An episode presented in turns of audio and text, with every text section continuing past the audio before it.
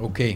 Testing هنبدأ ها؟ عشان بس إيه، أنت ما تدخلناش طيب اللي فات أنا النهارده رقم ثلاثة عشان ال topic ده أنا مش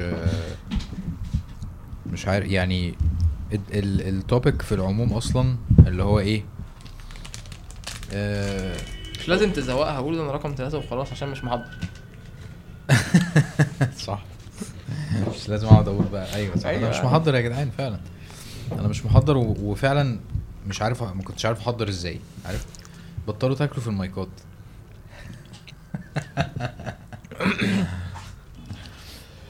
يعني يعني اللي هو يعني اللي هو طريقة مثلا تحضيرك أنت بتبقى إن أنت بتاخد اسم الحلقة أو اسم التوبيك وبتسرش عليها في في القرآن والسنة. تمام؟ عامر بيحضر ما أعرفش الصراحة عامر بيحضر إزاي. أنا طريقة تحضيري مثلا اللي هو إيه يعني إحنا مثلا النهارده هنتكلم على الدنيا فاهم؟ يعني أروح حفلة مش مش عارف اعمل إيه يعني مش مش عارف إيه ده؟ احضر اعمل إيه في ال- في ال- في الحلقة. طب اشرب طيب. صلوا على النبي. أصل الشيف بيقول لي انت بقى إيه دورك انك تشوف مشاكل الناس مع مع حب الدنيا. انت قلت إيه؟ أيوه يعني أنا قلت ان انت دورك إن أنت تقرأ الكلام اللي أنا بعته اللي أنت ما قرأتوش ده. أيوه باعت لي بيقول لي ما تتخضش فاهم؟ اللي هو ده؟ 26 صفحة. طب ما تخيل. تخضش طيب. 26 صفحة. يا عم تقرأه في 10 دقايق. مين ده؟ أيوه بجد والله. لا لا يا ابني لا لا. انت ما تعرفنيش خالص يا ابني سبحان الله. المهم يا عم شريف المهم. ال ال ال أنا فعلا عاجبني قوي إن أنتوا آه، اقترحتوا إن إحنا نتكلم عن الدنيا عشان هي في السياق اللي إحنا ماشيين فيه اللي هو إحنا بنتكلم عن توبكس كبيرة اللي هو إيه آه الموت اللي مش عارف التوبة اللي هي ال- ال- العناوين. اللي في العادي اللي هو إيه قشطة حاجات متعلقة بالدين ومعروف إن قشطة يعني لازم نجيب سيرتها فاهم. بس الدنيا اللي هو أنت قصدك إيه بالظبط عارف يعني الموت مفهوم جدا فاهم. الدنيا أنت قصدك بيها اللي هو نعيش إزاي ولا الدنيا نفسها ولا ف يعني اللي هو حوار يعني. حوار يعني أنا متخيل إن الناس كتير محتاجة اللي هو إحنا عايشين هنا ف- فإحنا محتاجين نعرف ده إيه. آه. صح؟ صح. ف فأنا جاي يعني يعني يعني متحمس فعلا إن أنا أتعلم عن عن الدنيا. حلو. أنا كنت بدأت أنا بالسؤال ده عشان الحمد لله والصلاه والسلام على رسول الله. عشان ببقى عايز الناس لما نقعد الكلام عن الدنيا كلمة الدنيا وأي وحديث عن الدنيا والدنيا حلوة خضراء والدنيا بتهلك وبعد كده في رأس كل خطيئة حب الدنيا وحب الدنيا من الكبائر حاجات كده ماشي؟ اللي هو إيه؟ يعني عارف لما بيبقى الكلام آه، عايم كده وخلاص؟ آه آه آه آه دي من الحاجات اللي على يعني سريعا برضو لازم نتوب من الذنوب لازم نتوب من الذنوب. في صوت عندك؟ آه مش عارف اعالجها إزاي. بجد؟ انت هت- هتلبسها فيا فعلا مش عارف. هي هي الزنة دي هتطلع يعني؟ هي هي راحت اهي. مش مشكلة بقى مش مشكلة. إن. شاء الله هحاول أظبطها. هي خفت شوية. طب لا. كويس. ما خفتش المهم آه ف... فأنت بتقول أنت قصدك يعني إن إن أنت لما بتتكلم وخلاص مثلا أنا عايز أظبط في طريق ربنا طريق ربنا اللي هو إيه طريق ربنا؟ لازم لازم يبقى الموضوع عارف الهدف سمارت عشان تشوف حاجة. فلما بنقعد نقول الدنيا بيجي واحد مثلا قاعد مثلا مش مش مش يعني مش في باله مثلا حاجات معينة هي دي أصلا الدنيا اللي إحنا بنتكلم عنها.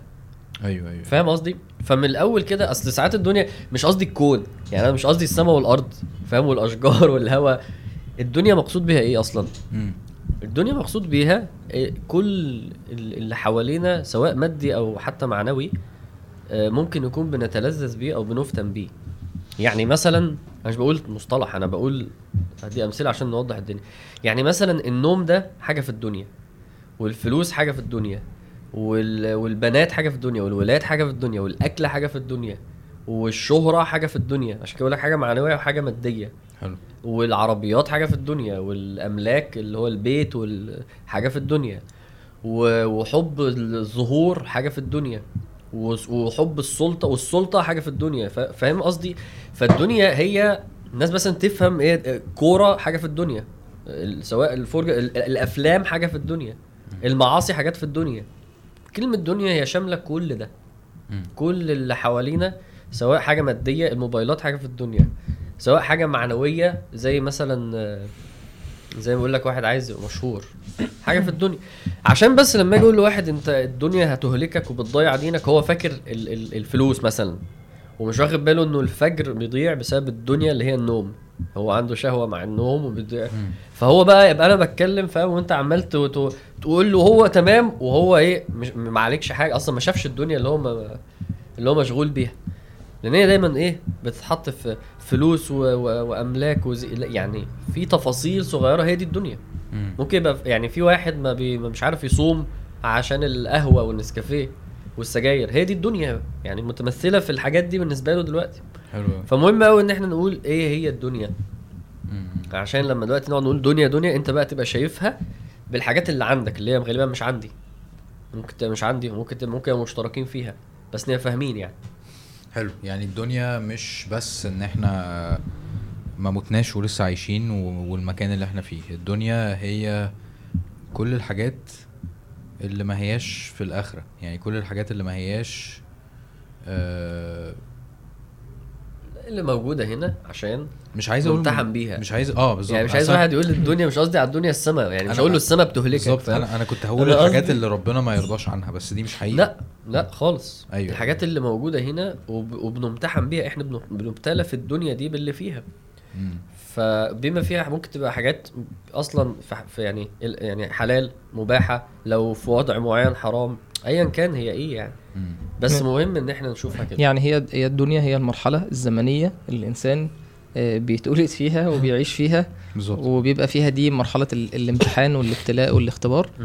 اللي لو الإنسان حقق فيها العبودية ونجح في الامتحان ده بيدخل الجنة وربنا بيرضى عنه. ولو فشل في المرحلة مرحلة الدنيا اللي هي مرحلة الامتحان إيه بيدخل النار يعني آه. لو واحد أسلم وآمن ربنا يرضى عنه يدخل الجنة أو كفر يدخل النار وربنا سبحانه وتعالى ال- ال- اللي عامر بيتكلم عنه ده اللي هو المتاع بقى الشهوات. تمام. اللي هي إيه؟ إنا جعلنا ما على الأرض زينة له لنبلوهم أيهم أحسن عمل.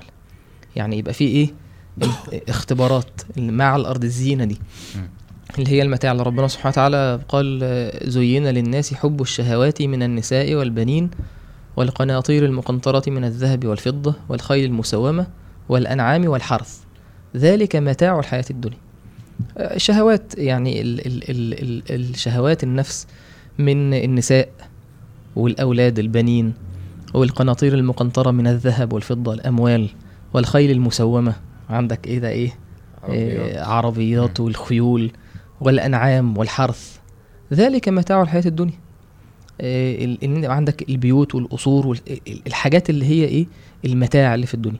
مع إن كل الحاجات اللي ذكرت في الآية دي ده اللي هو المتاع آه. متاع الدنيا ممكن الإنسان يستعملها في في الطاعة. يعني زي ما عامر قال إن مش معنى إن هي حاجة شهوة من شهوات الدنيا أو متاع الدنيا إن كلمة بس متاع دي لوحدها إن دي حاجة آه، مذمومة. مم. وان دي حاجة حرام. لا ممكن الواحد شهوات النساء ممكن ده تخرج في طريق الحلال الزواج وتبقى عبادة. بل هي ممكن تكون من من العبادات اللي تكون سبب في دخول الإنسان الجنة. والنبي عليه الصلاة والسلام قال وفي بضع أحدكم صدقة. ال- البنين الولد الصالح إن ده من من امتداد الإنسان أصلا من الأعمال الصالحة اللي مستمرة في ميزان حسنات الإنسان ولد. قال النبي عليه الصلاة والسلام إذا مات الإنسان انقطع عمله إلا من ثلاث وذكر من الثلاثة إيه؟ ولد صالح يدعو له. فالذرية ده آه أنت بتستمتع بيها لكن أنت بتاخد ثواب على التربية. تر- حديث التربية اللي عنده ثلاث من ابتلي منكم- بالبنات بنتين أو ثلاثة على حسب حديث النبي عليه الصلاة والسلام. فأدبهن و... فالنبي وأحسن إليهن. فالنبي عليه الصلاة والسلام قال لك إن أنت بتاخد ثواب على التربية دي. فهي متاع من متاع الدنيا وفي نفس الوقت بتثاب عليه كذلك بقى كل اللي جاي يعني ال- القناطير المقنطرة من الذهب الإنسان ممكن ينفق على على أهله وينفق في طاعة الله في وجوه الطاعة ويطلع الزكاة والصدقات وتبقى حتى المال ده يبقى سب- سبب في إن الإنسان بيرفع الدرجات بتاعته. حتى الخيل المسومه تعد للجهاد والأنعام والحرث. ذلك متاع الحياة الدنيا. فمش بس كلمة متاع ال- اللي هي الحته الحتة اللي عامر كان بيتكلم عنها مش بس دي مقصود بيها إن هي حاجة مذمومة مطلقا كويس. كويس. حلو جدا. طيب حلو. خليني أكمل على حاجة. وهي آه، طبيعة يعني هي حتة تأصيلية شوية. هي طبيعة وجودنا في الدنيا وعلاقتنا بيها. يعني مهم إنه الناس تفهم إنه ربنا زي ما شيف قال أوجدنا في المكان ده ووضع فيه وخلق فيه ال- الحاجات دي. وبعد كده ربنا خلقنا بنفوسنا ووضع فينا برضه التركيبة النفسية دي. يعني يعني يعني خلق ال- العربيات وخلانا نحب العربيات. ماشي. كمثال صغير قوي قيس ده بقى على الدنيا كلها عشان تبقى امتحان فعلا. عشان تبقى مطالب إن أنت بص بقى أنت هتعبد في الدنيا دي. بس هو مبدئيا كده أنت ممكن تعك في العبادة دي. ليه؟ لأن نفسك والدنيا في ما بينهم علاقة. علاقة معقدة جدا. علاقة تخلي واحد هواه مثلا في الدنيا آه أنا بحب مصارعة التيران. واحد تاني هواه البلياردو. واحد هو كل واحد هيشوف الدنيا بطريقة. صح. واحد هواه أنا بحب أقعد لوحدي وأقعد أتفرج أو ألعب games وواحد هواه أنا عايز ألعب كورة وأبقى مشهور وأبقى مش عارف إيه. واحد هواه أنا عايز أجمع فلوس. واحد الدنيا هتبقى مكان ل... ل... ل... لاختبار العبودية عن طريق إن أنت هتنزل الدنيا دي هتلاقيها مليانة بكمية شهوات ومليانه بكمية زينة ومليانة بكمية متاع زي ما الشريف قال. وأنت عليك إن أنت بقى تشوف هتعمل إيه معاها. جميل. لأنه في ناس ومش ناس إحنا يعني. لما ما بنوعاش لده بنفهم الدنيا غلط. صح جدا. وبن- بنفهمها غلط الأول كأنه هي هي هي إيه المكان ده؟ بنفهمها غلط كأنه هو أنا المفروض أصلا أجاهد نفسي ليه؟ يعني ليه أوصل لمرحلة أقول لنفسي لأ في حاجة في الدنيا ليه ليه ليه في حرام وحلال؟ بيوصل لمرحلة إن هو آه، عايزها بيحبها فاهمها غلط؟ ممكن الشرع يحس إنه الشرع وحش كده ده هو مانعني عن حاجة المفروض آخدها. ما هو أنت افهمها الأول. هي دي بتاع عارف تخيل واحد نزل اللي هي ال PE اللي هو أو ال- أو الحصص. لا مش قصدي ال PE قصدي اللي هي اللي ما بين الحصص. بيبقى فيه عارف فاكر في المدرسة؟ فسحة. آه فسحة. ما تقول فسحة يا اخويا ما أنا مش فاكر اسمها. ولا. في ولا. أنا عمري ما كنت أقول recess حصة ألعاب وفسحة. أنا كنت عايز أقول فسحة. ف إحنا كنا في مدرسة لغات برضه يعني يا باشا يا باشا والله ما أعرفش يعني إيه recess دي مش recess دي لا، مالناش ال- دعوة بيه ده. لما الاقتصاد بينهار بقى. ده عيل recession يا عم. أيوه هي هي صح. مش ده تلاقي دي جاية من حاجة. زي كده آه، تمام. صح. فلما لو هو ما فهمش دي إيه طبيعة ال- المكان ده والوقت ده وليه أنا هنا وأعمل إيه فيه وممنوع أعمل إيه فيه وممكن أعمل إيه فيه التصرف بقى يبقى, يبقى غريب. صح ف ف ف ف فبعد ما نفهم إيه هي الدنيا دي وبعد ما نفهم علاقتنا بيها. هنكمل أكتر بقى. طب أنا المفروض أتعامل معاها إزاي؟ طب إيه الغلط فيها؟ طب الدنيا دي أنت محتاج إن أنت تستكشف ويحصل وعي ليه؟ هو هو أشوفها إزاي؟ جدا صح. وهتلاقي وده وده ميزة ده, ده ده العجيب في الوحي. الوحي بيكلمنا عن المكان اللي إحنا فيه بشكل غزير جدا. يعني ما يعني كمية الآيات والأحاديث اللي بيقول الدنيا دي عاملة إزاي. والدنيا دي شوفها إزاي والدنيا دي خلي بالك من كذا والدنيا دي على فكرة لو لو شو عملت كده فيها ده حاجة حلوة والدنيا دي مش موضوع يعني ويديك نماذج بقى اتعامل مع الدنيا كده ما تعملش على الدنيا كده. في حين بقى لو إحنا مش فاهمين إيه ده ومش بنسميه دنيا ومش واعيين انه ده حت هو ده اللي القرآن بيقوله في فتن وشهوات التعامل هيبقى غلط. فده أساس بس كلامنا في الأول. طب ممكن نسأل سؤال يعني في الحتة دي برضه. لو عايزين نحط شوية حقائق كده آه. للدنيا يعني نفكر كده مع بعض كل واحد يقول. مثلا حاجة إيه هو حاجة حقيقة في الدنيا وإحنا ممكن نكون واخدين بالنا منها أو محتاجين حلو. نفتكرها بس يعني. حلو. إيه إيه مثلا إيه؟ الوحي طيب. أنا هجيب هجيب الأمثلة من الوحي. النبي صلى الله عليه وسلم قال آه، آه، الدنيا إيه؟ حلوة خضرة. دي أول حاجة بتيجي في بالي. دايما على الدنيا. إن الدنيا معمولة بالطريقة اللي مزينه أنت لما تشوفها آه. زين للناس. انت ما تشوفها هتبقى حلوة. خضرة لو ال- ال- ال- بالذات عند العرب اللي عايشين في الصحراء الخضار ده كان بيبقى لون ومكان وجم ومنظر حلو جدا. فالنبي عليه بيقول لك الدنيا بالنسبة لك انت هي حاجة حلوة جدا. وده واقع. مفيش حد إيه ده؟ إيه إيه المكان المقرف اللي إحنا فيه؟ على فكرة إحنا بنقول يعني إحنا بنحارب مثلا حب الدنيا ما يزيدش عشان أنا بس إحنا بحب أنا بحبها جدا. ال- اللي بيقول انه ما بيحبش الدنيا ده في قمة الغفلة. في قمة الغفلة.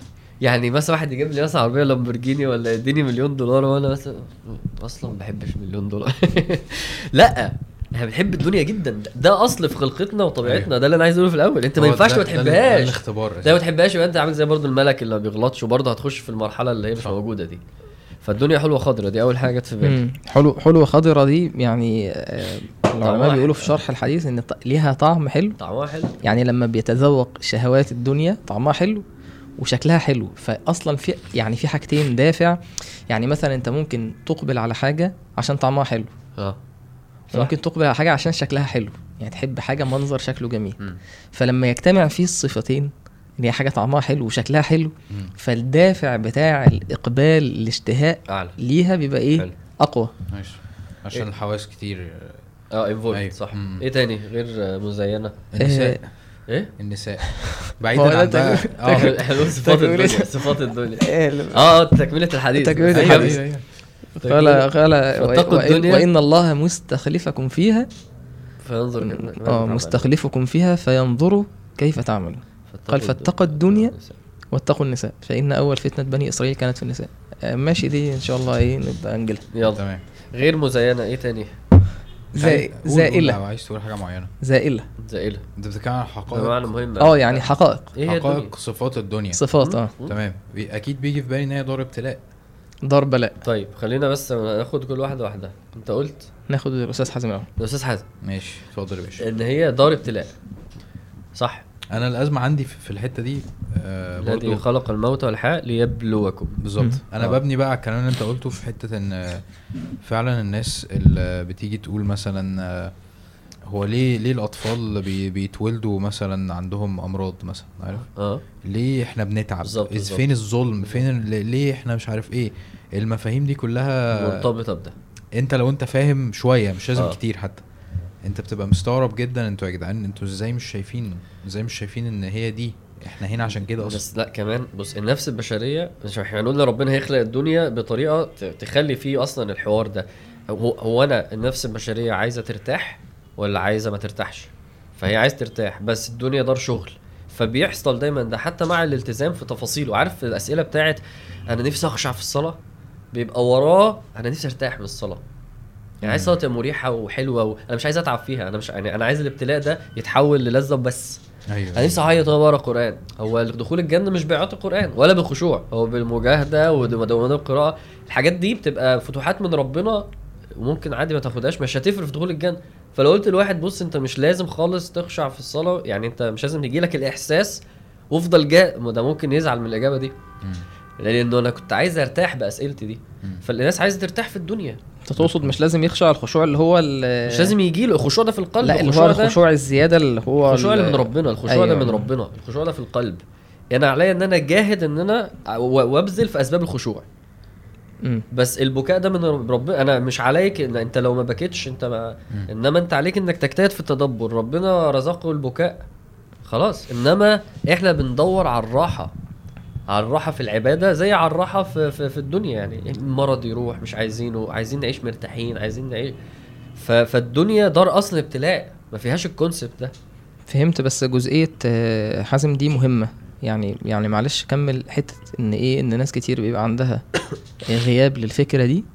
فبالتالي هو ما بيعرفش يفسر حاجات ما بيعرفش يتعامل مع آه. حاجات كتير بتحصل. أيوة يسخط طبعا. طبعا. يزعل. هم وأغلبهم يعني الصراع بيبقى غالبا إن مثلا ده شخص ملحد آه شخص انت بتعمل له دعوة فهو أصلا المنطلق بتاعه ده. يعني دي آه. من الحاجات اللي بتفسد إن الواحد يهتدي أساسا يعني. مم. من الحاجات الكبيرة جدا يعني. طبعا. آه، أنت بتغير عنده مفهوم واحد كان داخل يلعب بقيت تقول له لا أنا ممنوع تلعب. مم. صح؟ بالظبط. آه. وربنا سبحانه وتعالى بيقول يا أيها الناس إن وعد الله حق. فلا تغرنكم الحياة الدنيا ولا يغرنكم بالله الغرور. يعني إيه؟ يعني ال- الآخرة حق والبلاء اللي في الدنيا ده حق. ف... فما تنساش ال... ما تنساش وعد ربنا سبحانه وتعالى وما تنساش إن في آخرة وتتغر بالدنيا وتفتكر إن أنت هنا اتخلقت في الدنيا علشان بس زي إيه فكرة ال... ال... ال... المشركين لما كانوا بيقولوا آه، إن هي إلا حياتنا الدنيا نموت ونحيا وما يهلكنا إلا الدهر. يعني إحنا بس موجودين إحنا هنا. موجودين ناكل ونشرب ونعيش الشهوات بتاعتنا وخلاص. والذين كفروا يتمتعون ويأكلون كما تأكل الأنعام والنار مثوى لهم يعني هو بس عايش في الدنيا ان, إن أنا أنسى القضية المركزية إن آه. الدنيا دي دار بلاء. المعنى اللي أنت قلته ده معنى فعلا قوي جدا. يعني معنى على قد ما هي حاجة بديهية بالنسبة لنا. صح. هذا فعلا فعلا معنى قوي. يا جماعة الدنيا دار دار بلاء. فخلاص يعني أنا أنا هنا في امتحان في ابتلاء. هي كده. يعني هي كده. هي هي أصلا كده. دي حقيقتها. أيوه أيوة. يعني دي من صفات الدنيا إن هي دار بلاء إن أنت إن أنت مش لا. دي هنا أنت مش مش مش بتنعم فيه. يعني عادي ممكن إنسان يتظلم ويموت وهو مظلوم. ده إزاي؟ إزاي إن أنا إيه إيه أتعرض لظلم وأموت وأنا مظلوم؟ عادي. ما هو- ما هو في آخرة. أنا فاكر فيديو قريب جدا. ايا كان مين اللي مات ولا مين اللي عمل الفيديو. بس اللي عمل الفيديو كان مصدوم من إنه اللي مات ده مات من غير ما هو ياخد حقه منه أيوة، في آه. الدنيا شفت الفيديو ده ما شفتوش Anyway بس يعني. يعني ال- الراجل الفيديو كان هو إزاي يموت والله العظيم الفيديو كله كده إزاي يموت قبل ما ياخد أنت يعني. أنت أنت هو ما ماتش يعني الموضوع ما خلصش يعني هو مم. أنت لسه في بينكم حلقة تانية يعني فاهم أنتوا لسه في بينكم هتتقابلوا أنتوا لسه هيحصل الراجل كان مصدوم فأنا أنا اتصدمت لصدمته بقى مسلم الراجل أظن يعني. أظن بس هو الواحد بيبقى متأثر قوي أيوه. بالدنيا لدرجة إنه لا مش هينفع تبقى كده مش هينفع أنت تقول له لا هو هو ده أصلا امتحان. متأثر بالدنيا يعني هي واخدة حيز كبير أيوه جدا. هو عايز كل حاجة هنا. أيوه. عايز الجنة دلوقتي. في ناس عايزة ربنا ينصرنا دلوقتي عشان نخلص من الاستضعاف وعشان نبقى مرتاحين كمسلمين ممكنين. هو يعني هو المشكلة مش عشان الإسلام ينتصر هو كله- أنا عايز أنا اللي أنتصر. كله في الراحة. أيوه. ففكرة إن الدنيا ابتلاء دي مش حاجة أنت مرتاح. عندكش دفاية؟ لا ما عنديش. لا إحنا كده محتاجين بادجت المنتج يا جماعة. هو أنا أصلا يعني ضميت الكراسي جنب بعض عشان عشان كورونا. عشان كورونا آه. بطل مفيش بطانيه في والله. عايزين نجيب حلقة كده. بس يا عم. بس خلاص خلاص. عشان بس السادة المشاهدين. طب ممكن تغطي رجلك بيه ماشي بقى. طيب ماشي. زائلة. زائلة. حلو.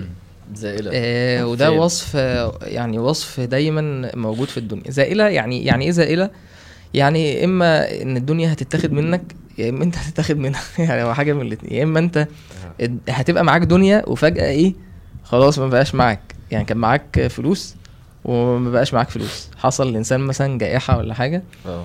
وخلاص آه، ع- عمل حادثة عربيته باظت آه، كان عنده بيته ولع آه، كان مثلا آه، عنده مثلا حد قريب منه مات. يعني كان في حواليك دنيا وخلاص اتاخدت منك. يعني في المفهوم بتاع ال- ال- اللي هو المفهوم القصير والمفهوم البعيد.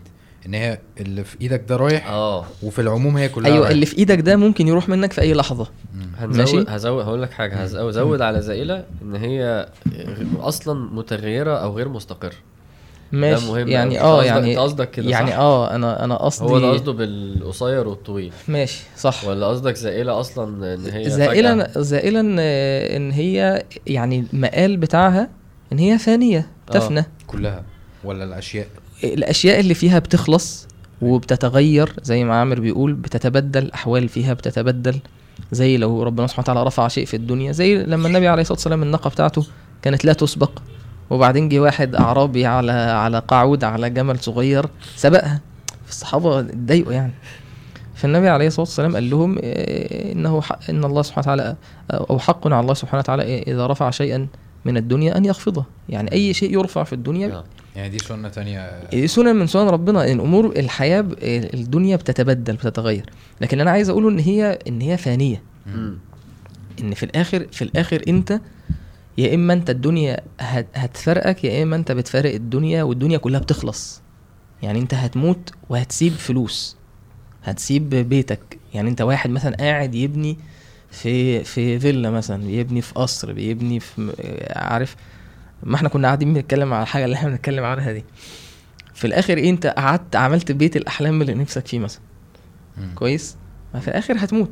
يعني ممكن وأنت قبل ما تستلم البيت قبل ما تستلم المزرعة اللي انت نفسك فيها وتتمتع بالحاجات دي ممكن تموت عادي. فم... وده بيحصل. سبحان واحدة. الله أصلا أقول لك حاجة غريبة. اسف اني قطعتك لا عادي. بس سبحان الله ما أعرفش. قطعني براحتك. الله يكرمك. بيبقى بيبقى في إحساس دايما بي- بيصحب أي خطوة كبيرة في الحياة. معايا أنا ما أعرفش ده مع الناس ولا لأ. بس أنا عمري ما ما, ما قلته بصوت عالي عشان أراجع مع الناس ده بيحصل ولا لأ. اللي هو مثلا أنت هتنقل بيت جديد. آه هتجيب كمبيوتر جديد بتحوش له بقالك كتير قوي. مم. جبت عربية جديد هتتجوز. ما أعرفش ليه بيبقى دايما في إحساس اللي هو إيه نفسي بس أ- يعني أحصل على الشيء ده قبل ما أموت. اللي هو الموت ممكن يجي بسرعة يعني اللي هو الحوار ده ممكن يفكس بسرعة قوي. مم. فدايما الإحساس ده عند أي حاجة كبيرة بيحصل. صح. وبعدين الحاجة دي مهما كانت مهما كانت حلوة في الأول أنا أنا بدأت اعود نفسي يعني اللي هو إيه ال excitement دي ما بقتش كبيرة قوي. مع. الوقت انت لو انت واعي أصلا الفكرة دي فكرة ان الحاجة دي مش آه انت مبسوط قوي ومش عارف إيه وبتاع برضه تهدي الدنيا فيها. ده ده دي نقطة تانية. دي نقطة تانية. دي. نقطة تانية. إيه هقول- لا كنت بس عشان ال ال الأدلة اللي هي ال ال ال آه، إيه؟ ممكن أقول حديث. قول. ماشي. أيوه الله طبعاً. الله يفتح عليك يا شيخ حازم. خلي بالك ده مش تحضير ده ده مش ذاكرة ده. آه الحمد لله فعلا. يقعد سنة يجيبه. بقى لا ما هو قدامي مش عليك آه، النبي صلى الله عليه وسلم بيقول لو كان صلى الله عليه صلى وسلم. الله عليه وسلم. لو لو كان لابن آدم واديين من مال من مال لابتغى واديا ثالثا. ولا يملأ جوف ابن آدم إلا التراب. ويتوب الله على من تاب. فعلا ال- اللي اللي يصدق النبي صلى الله عليه وسلم عليه الصلاة والسلام. اللي هو انت مهما كان عندك اللي هو أنا بس عايز 500 ألف follower وخلاص فاهم؟ مش عايز حاجة تانية فاهم؟ أنا قلت أنا. كنت بقول الكلام ده آه. أنا عايز 10000 فولور بس. ودلوقتي عندي 400000 قليل قوي يعني أنا أنا عايز مليون بس. مش فيش مش مشكلة مش عايز أكتر من كده. بص آه، التراب دي عشان بس أرجع إيه؟ للإيه؟ اللي هو الموت. يعني أنت عينك اللي هو صدق النبي صلى آه. الله عليه وسلم صدق النبي. انت عينك مش هتتملي فبطل تحاول تملاها. عارف؟ آه. والتراب ده اللي هو خلاص انت اتدفنت ومت وش... وصف سبحان الله تشبيه قوي جدا جميل سبحان الله. جميل. دي من ال من لو هنسميها حقائق الدنيا. أنا برضو أنا برضو آه، يعني فكرة إن هي متغيرة دي معلش من الحاجات اللي عشان هي بتمسني يعني بتمس البني آدم اللي عايز سيستم وعايز الدنيا تمشي كده وعايز يصحى كده الدنيا مش كده. الدنيا انت النهارده شغال هنا كمان كام سنة مثلا ممكن في بلد تانية بتشتغل. النهارده فلان عايش بعد شوية مات. النهارده وانت بتبقى أنا عايزها تثبت. صح. وربنا يقول وتلك الأيام نداولها بين الناس. الأصل الأصل إن الدنيا إن الدنيا هتتغير. انت عمرك ما هتفضل زي ما انت. يعني أنا في ناس في حد كان قريب مني فهو يعني جاله فلوس. فأنا عايز أقول بص أنت مستحيل تفضل كده. يعني وممكن تبقى أعلى وممكن تبقى أقل بس من الدنيا هي الدنيا كده. ما ينفعش واحد يفضل زي ما هو. عارف عارف من الحاجات اللي كانت بتستفز فيا الحتة دي؟ تغير مواعيد الصلاة.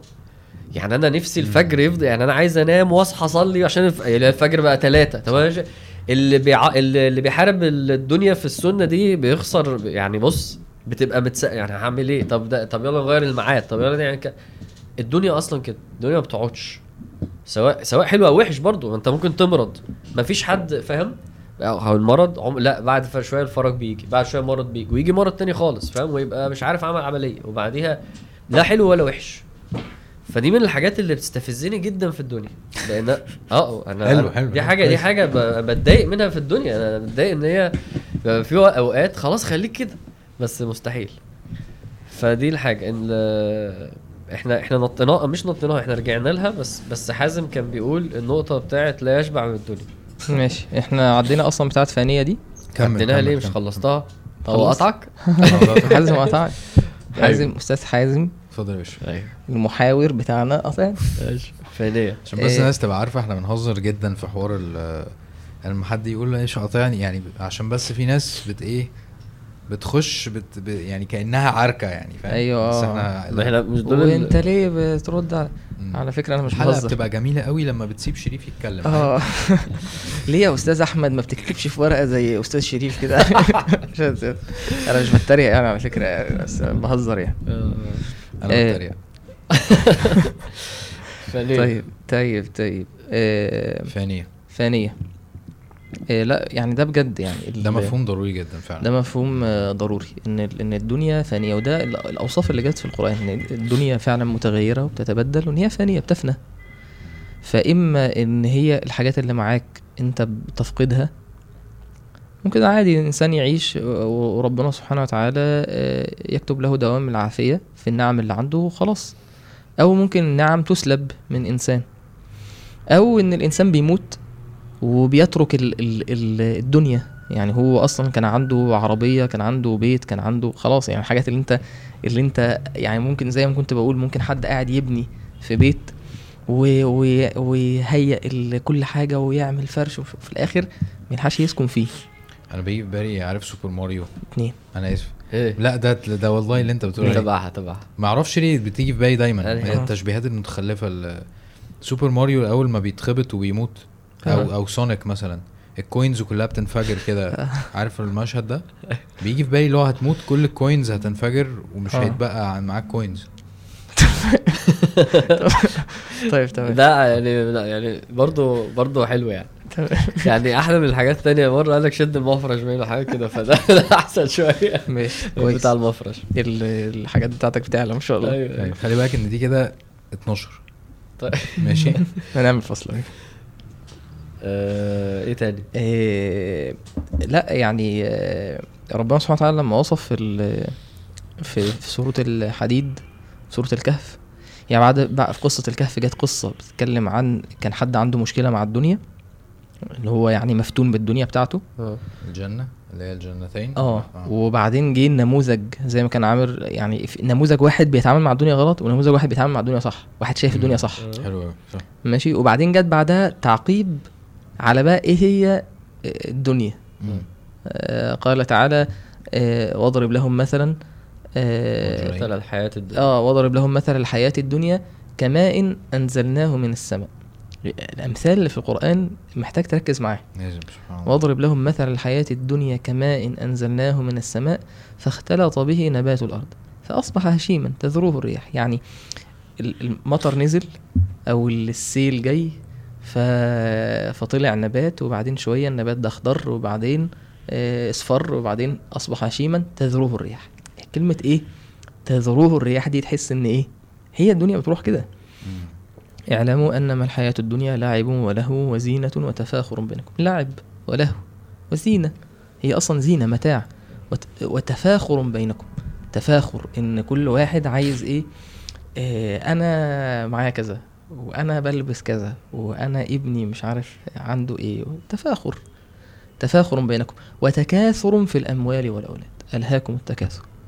كل واحد عايز زي ما أنت قلت وصل لمرحلة عايز يوصل لبعدها ربنا سبحانه وتعالى قال كل ده إيه بقى؟ كمثل غيث. الغيث المطر شديد نازل بعد حاجة الناس ليه كمثل غيث أعجب الكفار نباته. الزراع. كفار هنا معناه الزراع. فشافوا كده النبات وهو طالع مخضر وشكله حلو شكله مبهج يعني. ثم يهيج فتراه مصفر ثم يكون حطاما مم. وفي الآخرة عذاب شديد ومغفرة من الله ورضوان وما الحياة الدنيا إلا متاع الغرور. فيجي بعدها على طول لما الإنسان يعرف الحقيقة دي ما يجريش بقى ورا الدنيا. سابقوا إلى مغفرة من ربكم وجنة عرضها كعرض السماء والأرض. اللي هو أنت عرفت بقى فإيه؟ عرفت الحقيقة دي. عرفت إيه بقى؟ بص معلش أنا محتاج مم. أقول له حاجة. أنا لما كنت بسمع ده ما, ما كنتش ببقى عرفت. يعني هقول لكم قصدي إيه. هي ليها علاقة ب لا يشبع من الدنيا دي. ماشي؟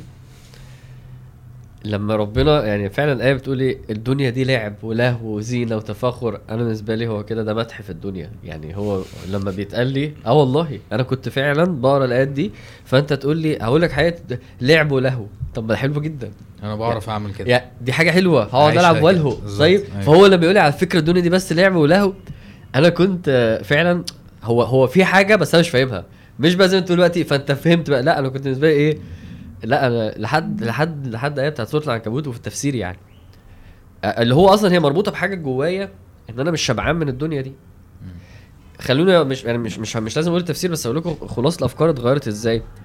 الأفكار اتغيرت لما أنا لقيت إنه هي فعلا أنت أصلا لما ربنا قلنا خلق نفوسنا وخلق الدنيا مش معنى كده إنه نفسك تكتفي بالدنيا.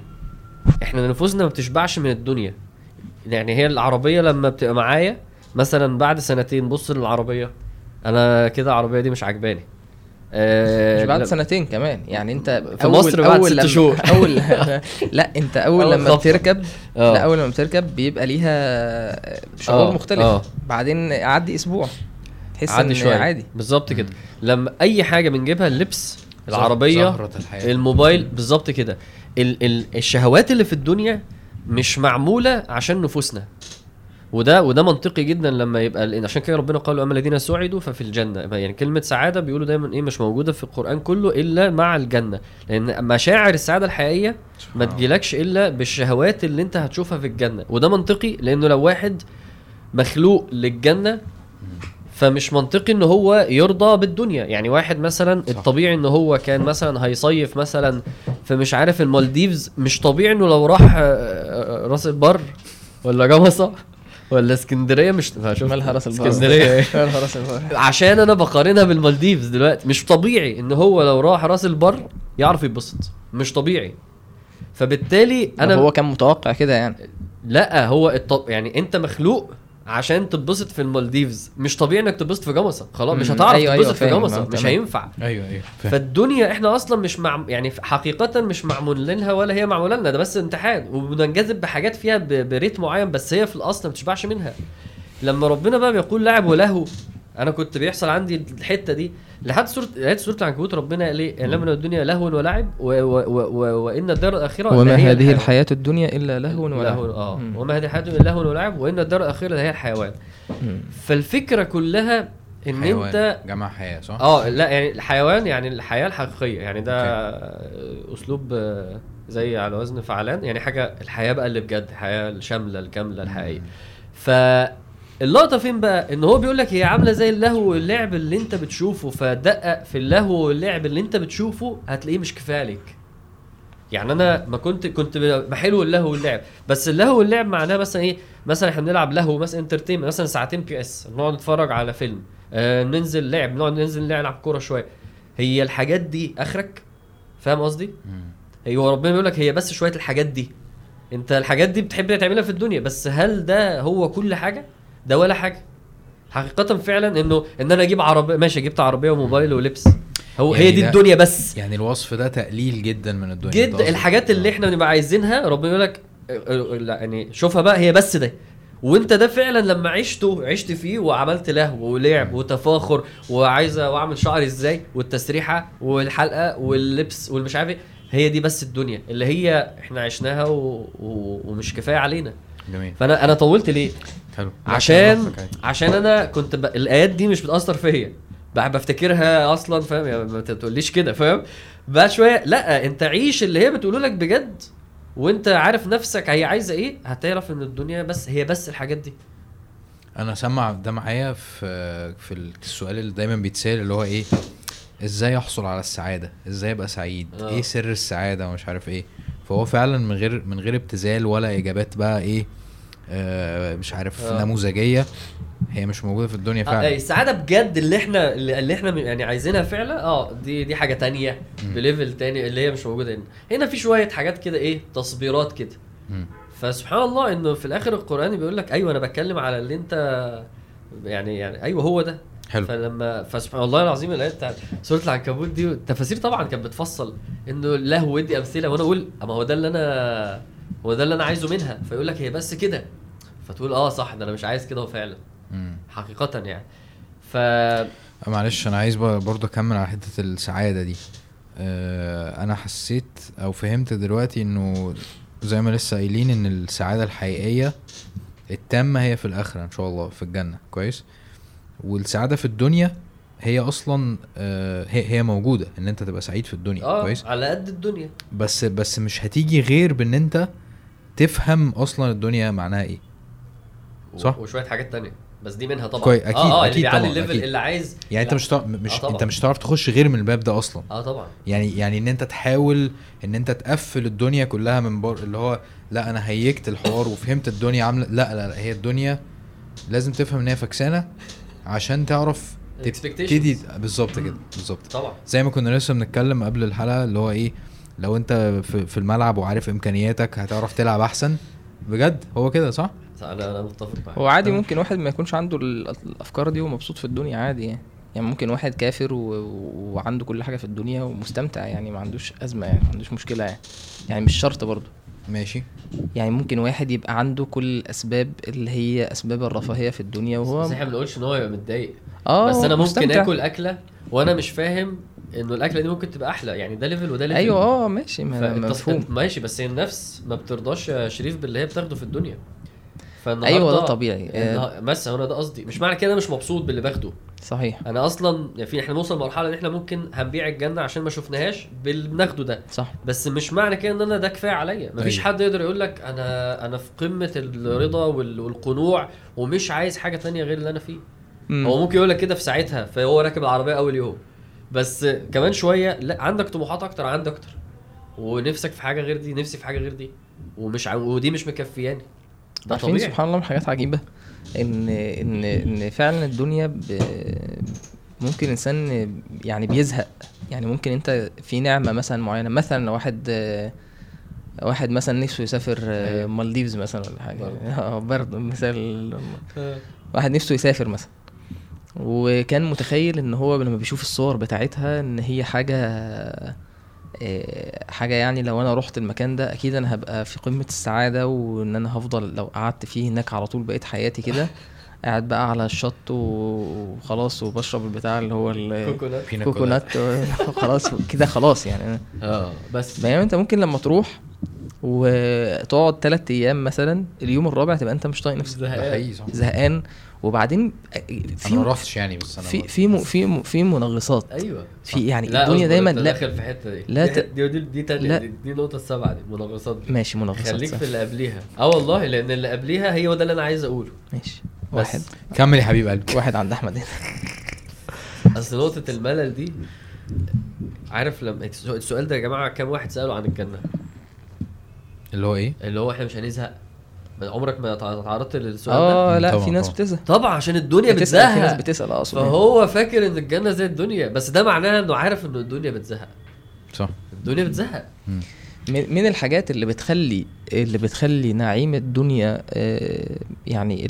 الإنسان يستمتع بيه على طول يستمر هو إن بتكون النعم دي مرتبطة بالله سبحانه وتعالى. جميل هو ده اللي أنا فعلا يعني الأمور يعني أنت مثلا ممكن تفضل في نعمة وتشعر بالامتنان والسعادة بنفس النعم دي لأن النعم دي كلها مرتبطة عندك بربنا سبحانه وتعالى.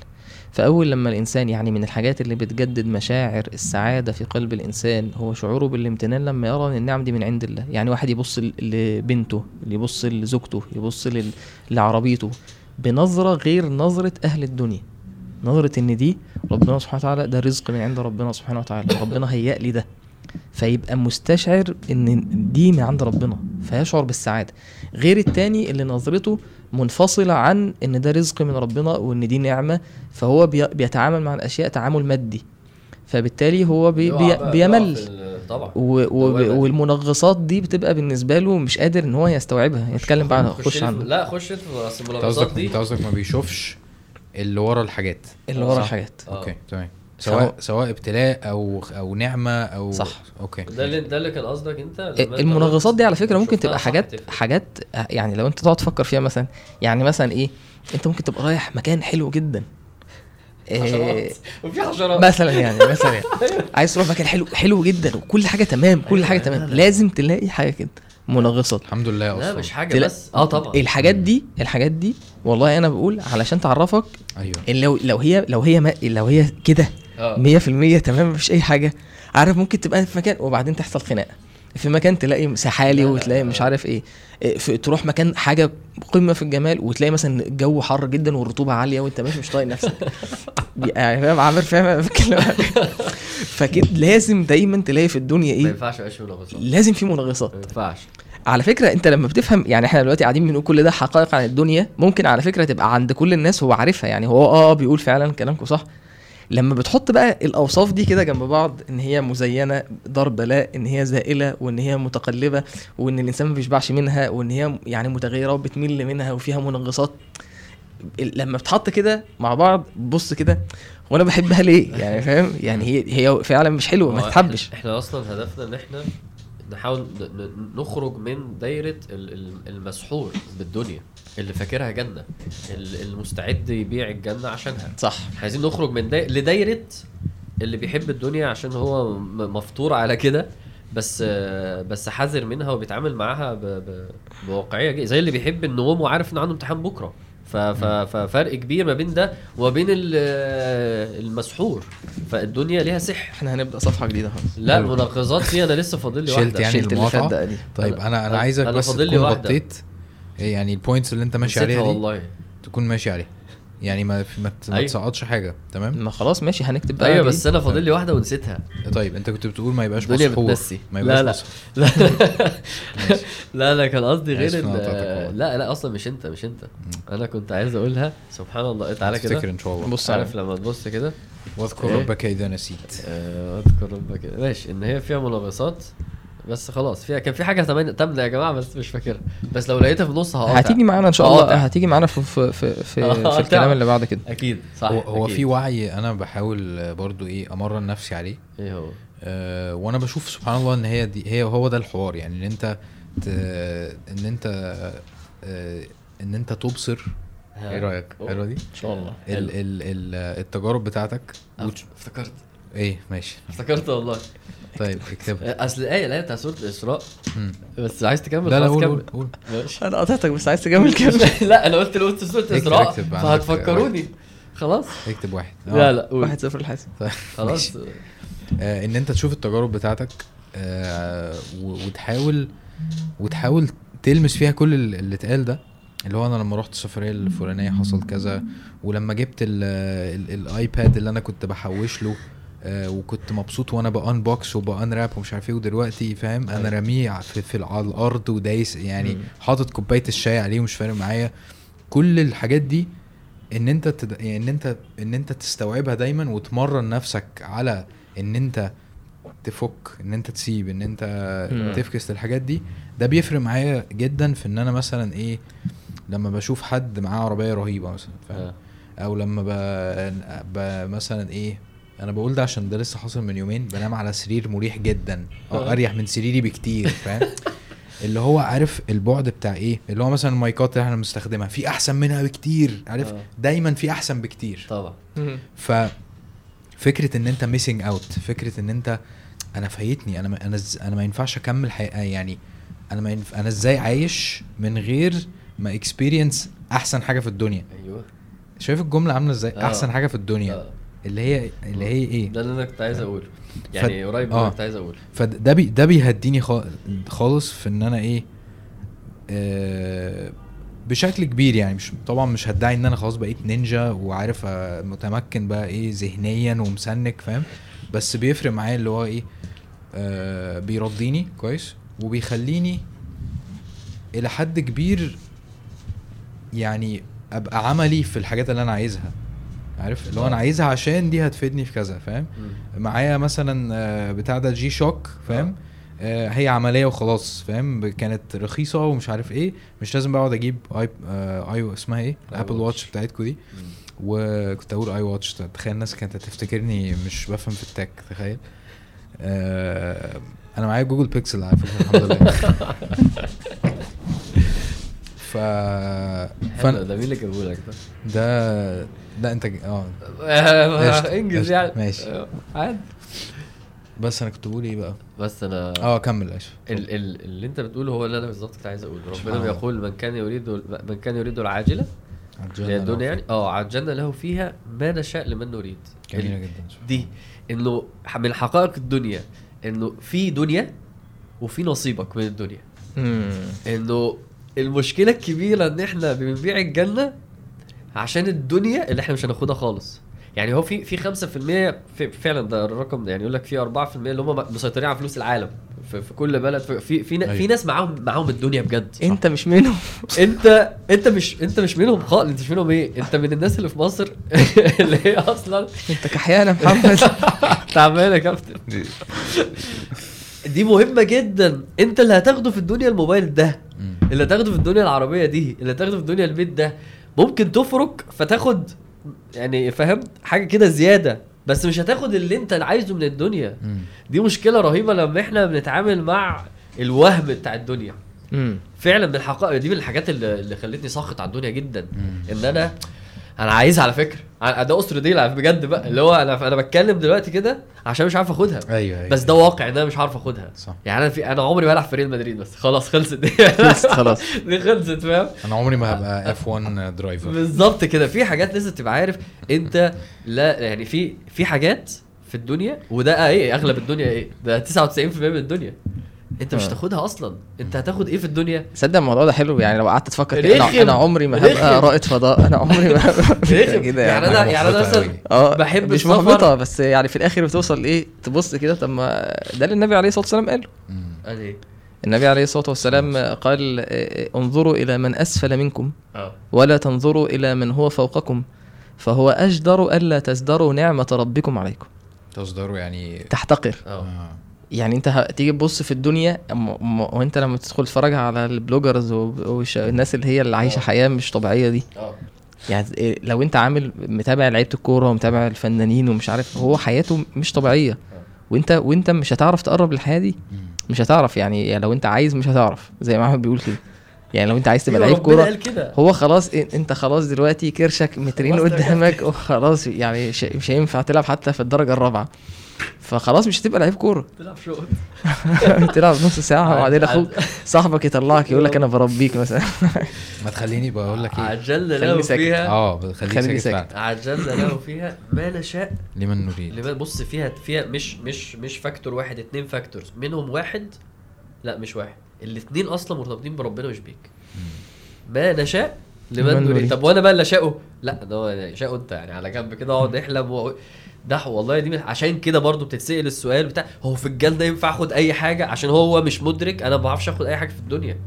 فبت... في أسئلة يا جماعة بتدل على علاقتنا بالدنيا حقائق الدنيا. أسئلة أنا هذا مش هنزهق هاخد كل اللي أنا عايزه. فالواحد لما يفكر في حق... دي من الحاجات اللي تخليني عارف اللي هو إيه كرامتك بقى؟ بص أنت آخرك في الدنيا الفيرنا دي. فاهدى فقول لنفسك يعني قول لنفسك أنا مش هعصي عشان فيرنا. لا هو في في اختيارات غلط في كورولا. أصل أنا بقعد يعني عارف مرة في هو بتاع ده معاك عربية إيه؟ معاك عربية إيه؟ بقى مفيش اعلى أعلى حاجة كانت تويوتا فاهم؟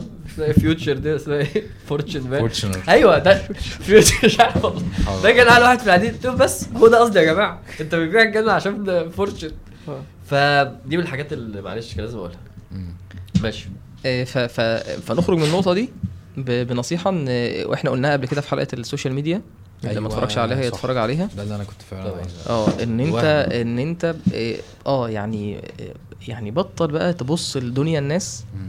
وتفضل قاعد منبهر ومعلق قلبك بده لأن أنت اللي بتتعب في الآخر أنا استشعرت أصلا أنا استشعرت ما هو النبي صلى الله عليه وسلم بيقول لنا عليه ده الصلاة والسلام آه، ما هياش مش مثلا اللي هو إيه آه، اعمل كده لو عايز يعني مش يعني مش مثلا يعني هي مش نصيحة آه، اولا أنت ما ما يو يو يعني إيه يو كانت افورد يعني؟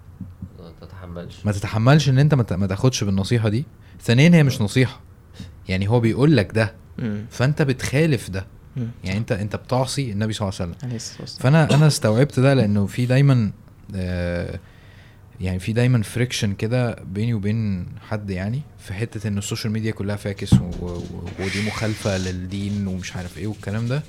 فاللي هو أصلا إنستجرام كله مخالف للحديث ده ده لو ده لو اعتبرنا إن مفيش غير الحديث ده بيتكلم عن الأزمة بتاعت الايه السوشيال ميديا. ومش عارف بالظبط فاهم فحسيت قد إيه إحنا لازم يعني بكررها كتير حتة إن إحنا صدق. نصدق النبي صلى الله عليه وسلم ونسمع كلامه فاهم هو يعني هو مش بيضيع مش بيضيع وقته حاشاه هو يعني هو فعلا خايف علينا هو فعلا بينصحنا فاهم وده فعلا بيحصل إن أنت لما بتسمع الكلام اللي هو أنا بشوف الناس اللي معاها عربيات أقل مني. آه. هتبسط جدا فعلا. أحس قد إيه ربنا يمن عليا بده. أشوف الناس اللي معاها هدوم أقل مني. أشوف قد إيه ربنا كرمني سبحان الله إن أنا عندي مكتب وعندي ش... ما أقعدش بقى أشوف إيه الناس اللي عندها شركات وبتبيعها وبتاع. اللحظة اللي بعمل فيها ده ودي بتبقى على فكرة يعني حاجات عملية. عشان آه. أنت بتحب ال- الحتة دي بتاعت إيه. أيوه اللي هو إيه؟ group فاهم؟ أنا فيه بتاع entrepreneurs ومش عارف إيه وده باع شركته وده عمل مش عارف إيه. نقم السنين فاهم؟ أجي أقعد مع شباب بسيطة وبتاع أحس قد إيه أنا هو بيشاور علينا ليه؟ لا لا مش أنتوا. ماشي. فاهم؟ ال group بتاع nomads ومش عارف إيه والناس بتوع السفر. أنا آه. فكيته من زمان الصراحة. أيوه فاهم. آه، مراتي لسه عليه فاهم؟ تشوف بقى التباين ما بين الناس دي عايشة إزاي وأنا مش فارق معايا خالص. وهو وهو معلش والله في في في سنن الدنيا بتمشي على الكل يعني إن هي بتتغير بتمشي على الكل إن هي منغصة بتمشي على الكل إن هي إن دي أصلا دار بلاء بتمشي على الكل. إن أنت مش تاخد غير نصيحتك تمشي على الكل فكون إن أنا حاطط آه، لقطة بجد screenshot في صورة أو في فيديو 30 ثانية ده مش معناه إن هي. دي دنيتي ودي مش معناه إن هي ده ف... فبس بلاش بلاش بلاش الوهم بقى يعني عايزين أيوة. أيوه. نصدق الوهم إحنا كل اللي قلناه كله. ب... من القرآن والسنة فمحتاجين نصدق. وانت قلت حاجة مهمة قوي الواقع بتاعك بيشهد على ده فما يجيش بقى واحد يضحك عليك. ما يجيش واحد أو تاخد ال- فعلا تاخد ال exceptions اللي هي 3 4% اللي هنقول الناس دي أصلا آه، راح هي- هي- هيحصل فيهم إيه بسبب ده. فأنا عايز أتكلم عن آه، خطورة الدنيا. ماشي. خطورة الدنيا. يعني. دلوقتي إحنا قلنا إحنا مخلوقين هنا ليه وبت- والابتلاء و... وإن الدنيا عاملة إزاي. إيه إيه المشكلة؟ ليه النبي عليه الصلاة والسلام يقول فاتقوا الدنيا؟ اتقي حط بينه وبينها حاجز. حط بينك وبينها حاجز. الوقايه. فاتقوا الدنيا. ليه ليه حذرنا من الدنيا؟ ليه في تحذيرات من ليه النبي عليه الصلاة يقول إيه؟ ما الفقر أخشى عليكم إنما أخشى عليكم الدنيا. مم. يعني هو كان خايف عليهم من الدنيا. ليه في تحذير من الدنيا؟ ليه يا شريف؟ انت عارف الحديث ده أصلا جميل يعني جميل قوي. آه، كل حديث جميل. بدايته إن النبي عليه الصلاة والسلام أرسل سيدنا آه، ابي عبيده آه، إلى البحرين يأتي بالجزية آه. فلما سيدنا أبو عبيدة جه ومعاه. الفلوس آه، لا لا مش. مش. جه بال بال بالفلوس فالصحابة عرفوا إن سيدنا أبو عبيدة جه فالنبي عليه الصلاة والسلام صلى الفجر وبعد الصلاة الصحابة بدأوا إيه يتعرضوا للنبي كده إيه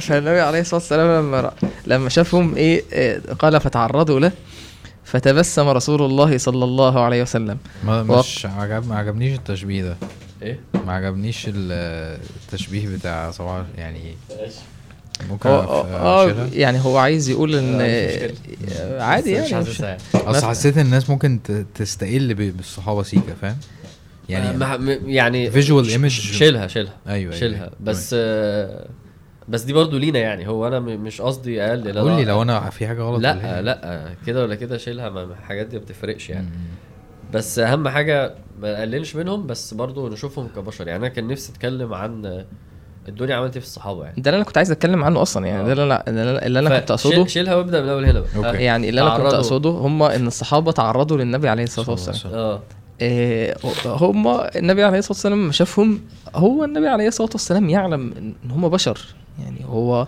هم عرفوا إن الفلوس جت. فالنبي عليه الصلاة والسلام لما راهم تبسم وقال أظنكم قد سمعتم أن أبا عبيدة قد جاء بشيء. ف... فقالوا أجل يا رسول الله. هنا ال... ال... أنا بس واقف عند الحتة دي. الصحابة هم كانوا في حالة من الفقر والحاجة. وال... وال... والوضع صعب في المدينة. ولما جت الفلوس هم عايزين عايزين فلوس. والنبي عليه الصلاة والسلام ما قال لهمش إيه؟ أنتوا جايين بقى بتوع دنيا وانت هم قالوا الأجل. إحنا جايين إحنا سمعنا فعلا ان ان أبو عبيدة جه وإحنا جايين عشان ناخد فلوس. آه. يعني لما جت الفلوس ويجي سيدنا العباس للنبي عليه الصلاة والسلام ويقول له أنا أنا في يوم بدر كان هو ساعتها يعني كان أسر في يوم بدر ويقول له أنا في يوم بدر دفعت فلوس كتير في الفداء بتاعي ودي قصة ظريفة يعني. وأنا عايز أخد من الفلوس دي. فالنبي عليه الصلاة والسلام قال له ماشي. فقام سيدنا العباس شال شال إيه؟ كتير كتير. فجه يشيل ما قدرش يشيله. فقال للنبي عليه الصلاة والسلام آه، مر آه، يعني أحد الصحابة يحملها علي. فقال لا. فقال فاحملها أنت علي. فقال لا. فالمهم راح مخفف منها شوية. جه يشيل ما قدرش. فقال للنبي عليه الصلاة والسلام إيه؟ قول لحد يشيل معايا. مر أحدهم يحملها عليه فقال لا. قال فاحملها أنت عليه فقال لا. فراح إيه سيدنا وع- سيدنا العباس راح مخفف ولحد ما قدر إيه يشيل. فشالها وماشي. الراوي بيقول النبي عليه الصلاة والسلام فضل ينظر ل- للعباس ويتعجب يعني أتبعه بصره ي- يتعجب من حرصه من. حرص العباس. وده كان عادي وبشر. فالنبي عليه الصلاة والسلام قال لهم أنتوا جايين عشان سمعتوا؟ قالوا له آه أجل. فقال فأبشروا وأملوا ما يسركم. يعني يعني إن شاء الله إيه هتلاقوا اللي أنتوا عايزينه يعني. قال فوالله ما الفقر أخشى عليكم. يعني مش خايف عليكم من الفقر. إنما ولكني أخشى أن تبسط عليكم الدنيا كما بسطت على من من قبلكم. فتنافسوها كما تنافسوها وتهلككم كما أهلكتهم. يعني المشكلة إن الدنيا تفتح عليك فيحصل التنافس اللي أنت شايفه. تنافس الغير الغير شريف الغير مشروع. تنافس اللي يخلي الواحد علشان يوصل لحاجة معينة من الدنيا ياكل حرام يضحي بدينه يبيع دينه بعرض من الدنيا قليل عرض من الدنيا. آه، يغير آه، فتوى يغير دينه عشان حاجة حاجة بسيطة من الدنيا. هو صلى الله العافية. اللي أنا اللي أنا اولا برضه أنت قلت نقطة يعني إحنا بس قلناها في الأول وهنا استفاضة فيها شوية. إنه زي ما قلنا إيه إحنا كلنا بنحب الدنيا. مفيش بشر مش هينجذب للدنيا. فده حصل معانا وحصل مع الصحابة وهيحصل مع أي حد. إنما في ده بقية كلامنا. إزاي نتعامل مع الدنيا زي ما الصحابة عملوا؟ من الآخر ده الإجابة اللي عايزين نوصلها في الآخر. فبنبدأها بإنه هو إيه خطورة الدنيا؟ خطورة الدنيا من الآخر إن أنت بسبب الحاجات اللي فيها تتعامل غلط فتخش النار. يعني خلاصة خطورة الدنيا إن أنت تخش النار بسبب الحاجات اللي فيها وطريقة تعاملك معاها. إن ربنا يبقى خلق حاجة في الدنيا ومثلا زي الفلوس. ويقول لنا ما هو عبودية. الفلوس دي نجيبها منين؟ ما نجيبهاش منين؟ نصرفها فين؟ ما نصرفهاش فين. بتفاصيل. لو صرفت كده ده اسمه إسراف حرام. لو صرفت كده لا دي حاجات غلط تصرف فيها واحد مثلا يشتري خمرة حرام. لو صرفت هنا ده عادي زي ما أنت عايز. لو صرفت هنا كويس. لو صرفت هنا ده لازم أصلا الزكاة. فيفصل لك في حاجة من الدنيا. يجي واحد يخش في الفلوس وي- ويسحر ويظن إن هي آخر الدنيا ويبقى عايز زي ما ربنا قال جمع فأوعى إن. هو في الآخر يخش عند ربنا يقف قدام ربنا آه، يسأل عن إيه؟ عن ماله. من أين اكتسبه وفيما أنفقه؟ ويخش النار. يا الله. فالخلاصة إنه أنت د- خطورة الدنيا إنه لما الواحد يتسحر بيها لدرجة اللي ربنا بقى قاله في القرآن إيه؟ إرادة الدنيا. مم. يعني إيه بقى؟ يعني ربنا دايما كام آية؟ حوالي أربع آيات ده اللي أنا فاكرهم سورة الإسراء رب اللي إحنا سألنا من كان يريد العاجلة. والآية اللي بعديها ومن أراد الآخرة. ففي إرادة في مقابل إرادة. وبعد كده الآيات التانية من كان من كان إيه؟ يريد الحياة الدنيا. إن هو في معلوم معملون فيهم في يريد الحياة الدنيا. وبعد كده ومن أراد الآخرة وسعى لها سعي دي بتاعت سورة الإسراء بتاعت سورة آه، الشورى. آه، افتكر معايا يا شريف. عايز أفتكر التل... عايز أقول التلاتة. آه، بتاعت سورة الشورى. فلنحيينا ولا دي؟ لا هي الآيات كلها اللي عايز دي واللي عايز دي. الآيات كل من كان يريد حرث الآخرة. نزد له في حرثه. ومن كان يريد حرث الدنيا نؤتيه منها. وما له في الآخرة من نصيب. الآيات كلها اللي يريد ده فيرسز اللي يريد ده. طب ما هو العباس كان يريد الدنيا. لا دي إرادة مش دي. الإرادة دي إرادة دي في مقابل دي. يعني أنا عايز الفلوس في مقابل إن أنا مخ... مش عايز الجنة خلاص. مش عايز آخر أصلا خطورة الدنيا إن هي هي الله. حلوة خضرة تتحول الزينة فيها لحاجة غاية. تسحر واحد وتبقى غاية لذاتها. واي والغاية بقى تبرر الوسيلة وبالتالي ما عندوش أي مش أي اعتبارات. مفيش أصلا تصور مفيش كلمة حرام وحلال.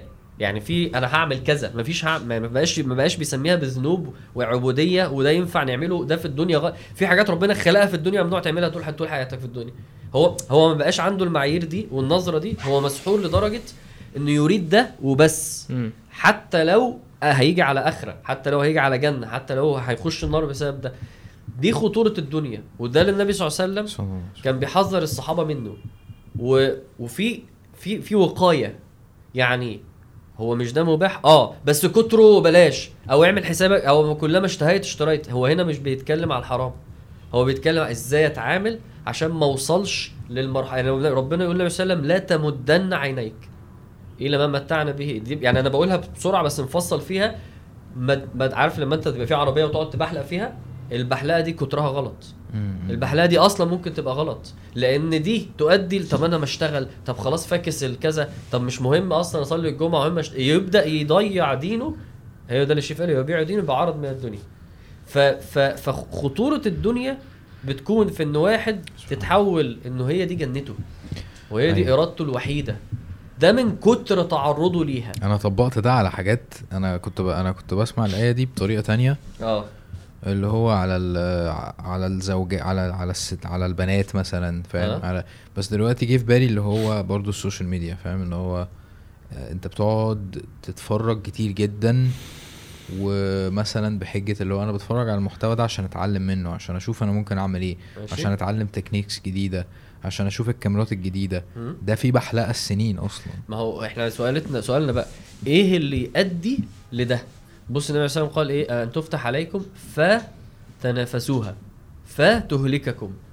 يعني صح. يعني في. في حاجة بتؤدي لل- لل- للي هو ال- الوضع بقى الوحش ده. إيه هو؟ الحاجات دي لازم نعرفها وهي عكسها على فكرة هي كيف نتعامل مع الدنيا عشان نتقي الدنيا عشان تبقى الدنيا دي مش بتضرني مش بتضيع آخرتي. مفيش مشكلة بقى إنه صحابي آه، يطلب إن يعني يطلب فلوس.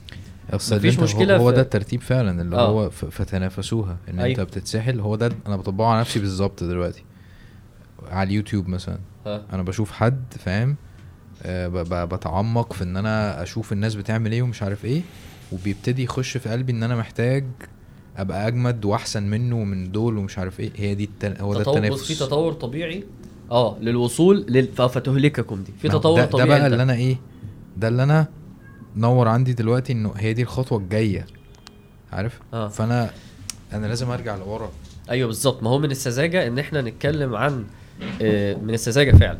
إنه يطرح الموضوع على إنه مثلا إيه لأ دي مباحات واعمل المباحات وع- كأن كأن مثلا إيه هو هو إيه يا جماعة اللي بيوقع؟ إحنا محتاجين ندرس ال- السلم بتاع إيه اللي بيوقع؟ هل هل هل اعمل ده ولا ما اعملش؟ طب اعمله بأنهي كمية؟ طب الزهد إيه هو؟ يعني هل هل أصلا الحلو إن أنا أقطع الدنيا تماما؟ تماما ما تعر... هل ده أكتر حاجة مثلا سيف في الدنيا؟ طب هل النبي صلى الله عليه وسلم كان وصل للمرحلة دي؟ يعني بيقول حب إلي من دنياكم إيه؟ الطيب والنساء. الطيب والنساء حاجتين حاجتين في الدنيا من الدنيا. طب هل غلط إن أنا أبقى النبي صلى الله عليه وسلم كان بيحب ياكل حاجة معينة؟ كان بيحب الطيب؟ طب. طب ما أنت كده برضو إيه؟ أنت عايز تظبطها.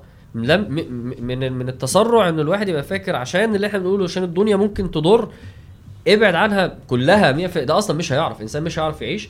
أو آه، المهم بس إيه ابعد عادي تعيش في الدنيا وتتمتع بيها و... لا قول الكلام بس بطريقة بس مفصلة عشان نفهم نعمل إيه. إن في واحد في حال في حالته هو زي ما أنت تقول مثلا آه، مفتون بحاجة عند حد تاني لا خد منها حتة عادي عند ده لا.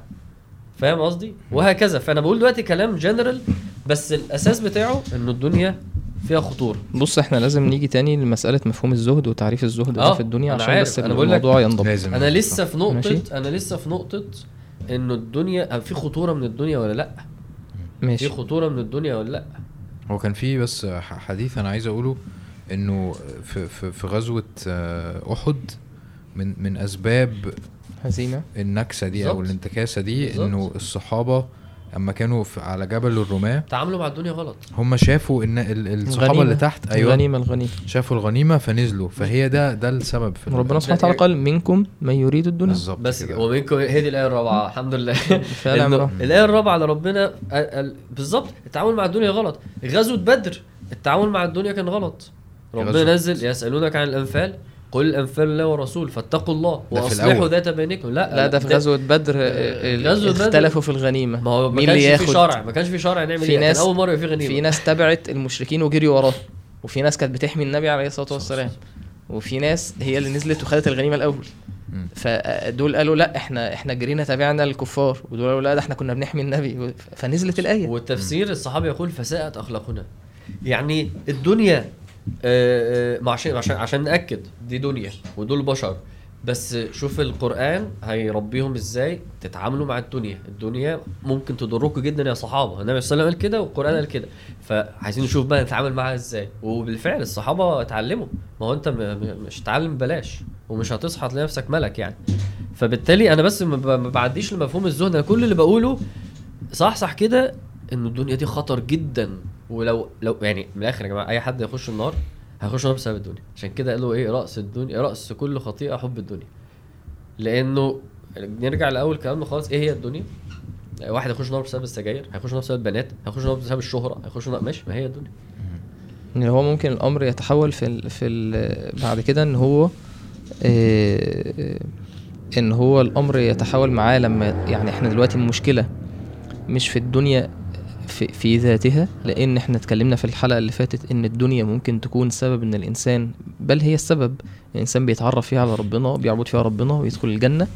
لكن المشكلة إن الدنيا تكون آه، آه، صارف للإنسان عن الآخرة. إن. الإنسان تبقى الدنيا بالنسبة له هي الغاية هو الهدف هي كل حاجة. فبالتالي لما يحصل تعارض بين الدنيا والآخرة هو بيقدم الدنيا. صح. فممكن الإنسان يتحول إن هو بقى خلاص هي الدنيا بقت هي المركزية بتاعته مش الآخرة. وإحنا المفروض إن إحنا كمسلمين كمؤمنين المركزية اللي بتحركك هي العبودية والآخرة. فيتحول الإنسان العبودية بتاعته المركزية بتاعتها تتغير. زي ما النبي عليه الصلاة والسلام قال تعس عبد الدينار. تعس عبد الدرهم. تعس عبد ال- ال- القطيفة والخميصة. إن أعطي رضي وإن لم يعط سخط. أو لم يرضى. يعني يبقى بالنسبة له الدنيا خدت منها أنا راضي وتمام. اتمنعت مني أو حرمت منها يبقى أنا إيه ساخط ومش راضي. ويتحول الإنسان اللي يعني خطورة إن الإنسان يبقى حريص وطمعان في الدنيا وبيتنافس فيها إنه ممكن يخسر دينه في الطريق. يعني كتير جدا وكنا بنتكلم في ده قبل الحلقة كتير جدا من الشباب مثلا. ممكن على فكرة ممكن تلاقي دلوقتي وده موجود. ممكن تلاقي مثلا تصور مثلا رجل أعمال عنده مثلا خمسين سنة وبيتعامل بالربا وقروض وتجارته فيها حاجات حرام ويعني. يعني شغال. يعني آه، عادي. حياته يعني هو وصل المرحلة دي. آه. ماشي؟ هو هو نفس الشخص ده اللي هو خلاص مثلا ما بيصليش الفجر مثلا بقاله 20 سنة. أيوه أيوه. إيه أنا عايز أقول لك إن ده نمط يعني موجود كتير جدا من المسلمين عايشين كده على الوضع ده. اللي هو مثلا إيه كان كان أيام الجامعة ممكن نفس الشخص ده تقعد معاه كده في ساعة صفا كده يقول لك ياه آه. أنت عارف إن أنا أيام الكلية كنت بحفظ قرآن وكنت بصلي في المسجد وكنت ملتزم أكتر منك. تبص له كده طب إيه اللي حصل؟ يعني أنا بقول للشباب دايما خد بالك إن ممكن تلاقي واحد في ثانوي وفي الجامعة بقول له على فكرة أنت في العصر الذهبي لل- للالتزام. يعني إيه؟ في العصر الذهبي للتدين. الدنيا قوة الناعمة. ممكن تلاقي إن هو خلص وهو كان في الجامعة وبيصبر على فتنة النساء ويجي يقول لك أنا كنت, عندي بحب بنت وسبتها ومش وبطلت أعمل كذا وبصلي قيام ليل وبحفظ قرآن. بعدين لما يدخل في الدنيا بقى ويجرب يمسك مثلا أول فلوس حرام اتفتح عليه سكة معينة يسافر مثلا يشتغل بره وبعدين يلاقي إيه باخد فلوس كويسة بس ما اقعدش بصلي مثلا. إيه ما بسمعش أذان. أبعد مسجد مثلا بعيد عني شباب شباب بيكلموني مثلا في اللي عايش في فرنسا اللي عايش في كندا اللي عايش مش عارف فين. يقول لي أنا عايز أصلي الجمعة بقالي مثلا شهرين ثلاث شهور وما بصليش الجمعة. نفسي أعمل الحاجات اللي أنتوا بتقولوها دي بس أنا مش عارف. عارف هو هو نفس الشخص ده اللي بعد مثلا وهو عنده 50 55 سنة اللي بتلاقيه يقول لك ده أنا زمان كنت كنت متدين جدا. وبقى عادي إن هو اتاخد لدرجة إن هو بقى بيتعامل مثلا بالح... بالحرام بياكل من حرام مبقاش فارق أصلا. يعني قصة إن أنا يعني أنا أنا لما حد مثلا بيتكلم ألاقي راجل كبير كده بيتكلم يقول هي الحاجة دي حلال ولا حرام؟ المعاملة دي صح ولا غلط؟ ما تسال لنا كده يا شيخ. أنا بحس إن إيه ده بالنسبة لي نموذج مبهر. إن إيه ده؟ هو لسه في حد في, الدنيا اللي النبي عليه الصلاة والسلام قال يأتي على الناس زمان لا يبالي المرء بما أخذ المال أم من حلال أم من حرام. لسه في حد من الناس الكبيرة كده بي بيسأل هو المعاملة دي حلال ولا حرام؟ أو بيتعلم أصلا ال- ال- التجارة الحلال والحرام فيها إيه؟ فده إيه اللي حصل له؟ هو مع الوقت الحرص على الدنيا والطمع مشروع مشروع بعد مشروع معاملة بعد معاملة خلاص بدأ يبعد. والنبي عليه الصلاة والسلام قال حديث عجيب. الحديث ده في يعني في كتاب في شرح الحديث ده لابن رجب ك- كتاب كمان بيشرح في الحديث ده حديث ما ذئبان جائعان أرسلا في غنم بأفسد لها من حرص المرء على المال والشرف لدينه ما ذئبان جائع ده عارف الحديث؟ ده الحديث ده الحديث. النبي عليه الصلاة والسلام كتاب؟ كتاب. آه. في درس آه، أص- أصغر شوية بتاع خالد خالد السبت آه ممكن بيشرحها تعليقا. إيه إيه ما ذئبان النبي عليه الصلاة والسلام يقول ما ذئبان جائعان أرسل في غنم بأفسد لها من حرص المرء على المال والشرف لدينه ما يعني عارف تخيل كده مجموعة قطيع غنم انت بعت أرسلت في ال- القطيع ده اتنين ذئ- ذئ- ذئبين هم جعانين. فذئب وهو جعان بيعمل إيه؟ يعني هو مش مش مش هياكل واحدة. آه مش هياكل واحدة وخلاص على كده. يقعد ينهش ده هو بي بي بينهش يعني بيقطع دي ويخ- ويخربش دي ويعض دي ويعمل هو ده بيفسد القطيع. فالنبي عليه الصلاة والسلام بيقول إن حرص الإنسان على الشرف السيادة والمال ماشي بيعمل إيه؟ بيفسد الدين. زي ما الذئب الجائع ده آه يعني ده أشد إفساد في دين الإنسان زي الذئب الجائع. تخيل بقى كل على قد ما أنت حريص على الدنيا حريص على الشرف حريص على المال على قد ما أنت دينك هي علاقة إيه؟ آه عشان كده أنت عارف درس ده- مباشرة. درس بتاع الشيخ خالد السبت ده قال لي عليه؟ دكتور أحمد أبو منعم هو قال لي عليه ليه؟ عشان هو دلوقتي شاف واحد آه، طالع يعني أنا طالع أتكلم عن ربنا على النت فأنت فاهم يعني إيه نت؟ النت ده فيه فتنة الشهرة والفلوس والنساء وأنا بقى فاهم والدكتور عرفني اسمع بس الدرس ده لا انت لو هو الشيخ متظبط تقريبا ليه خطبة تقريبا عن الحديث. آه آه. لو ما اتظبطت يعني هو كان بالنسبة له إيه؟ أصل يا جماعة فعلا ال- الأونلاين ده مهلكة. إن أنت داخل لفتن فتن الدنيا بال بالايه بال extreme بتاعها. عشان كده إحنا الموضوع مش بسيط خالص. وأنت صح. بتقع عادي وأنت بتلاقي نفسك بتتغير وبتفوق من مفاهيم أساسية ما كانتش لأن الموضوع الموج عالي. طبعا فمن الغ... من الغباء. إن إحنا من الغباء إن إحنا نتعرض للدنيا. بصدر مفتوح وإحنا مش فاهمين أصلا إيه دي ده ده من ال... يعني الحمد لله إن شاء الله النهارده يبقى الواحد يعني يشوف بس إنه الدنيا عشان عشان كده يا جماعة ال... بعد ما تفهم ده تشوف بقى الصحابي مثلا اللي هو مثلا آه، سيدنا صهيب الرومي لما يسيب أمواله عشان يهاجر ده مش واحد فقير مهاجر وخلاص. اللي بيسيب الدنيا عشان الدين بعد ما بيتملك منها ده موضوع كبير. لما سيدنا أبو بكر يخرج من ماله ده موضوع كبير. لما ال- اسمه إيه المغني؟ آه، اسمه آ- آ- أدهم؟ آه صح؟ أدهم نابلس نابلسي. ده موضوع كبير. اللي يسيب الدنيا ده غير غير اللي زينا بقول لك اسر ديل عادي هو في الجامعة وفاهم وبتاع فقام يصلي وقام التزم. فما تجيش أنت بقى تروح بقى للدنيا. وتقول إيه أنا معايا شوية دين وشويه قرآن وشوية دروس اتفرجت على كام بودكاست فاهم بتوع وعي. الموج عالي ويلا نروح للدنيا فاهم؟ لا. موجة عالية يا ولا. لا. تيشيرت. أيوه. عالية. ربنا إحنا كده يا جماعة هعلن بس عن تيشيرت حازم هيعمله.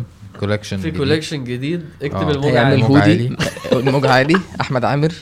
يعني أيوه. dash كده أحمد عامر. آه. التيشيرت التاني هيبقى بقى قنبلة. إيه؟ قنبلة الموسم. إيه ده؟ أنا مأجر في الدنيا.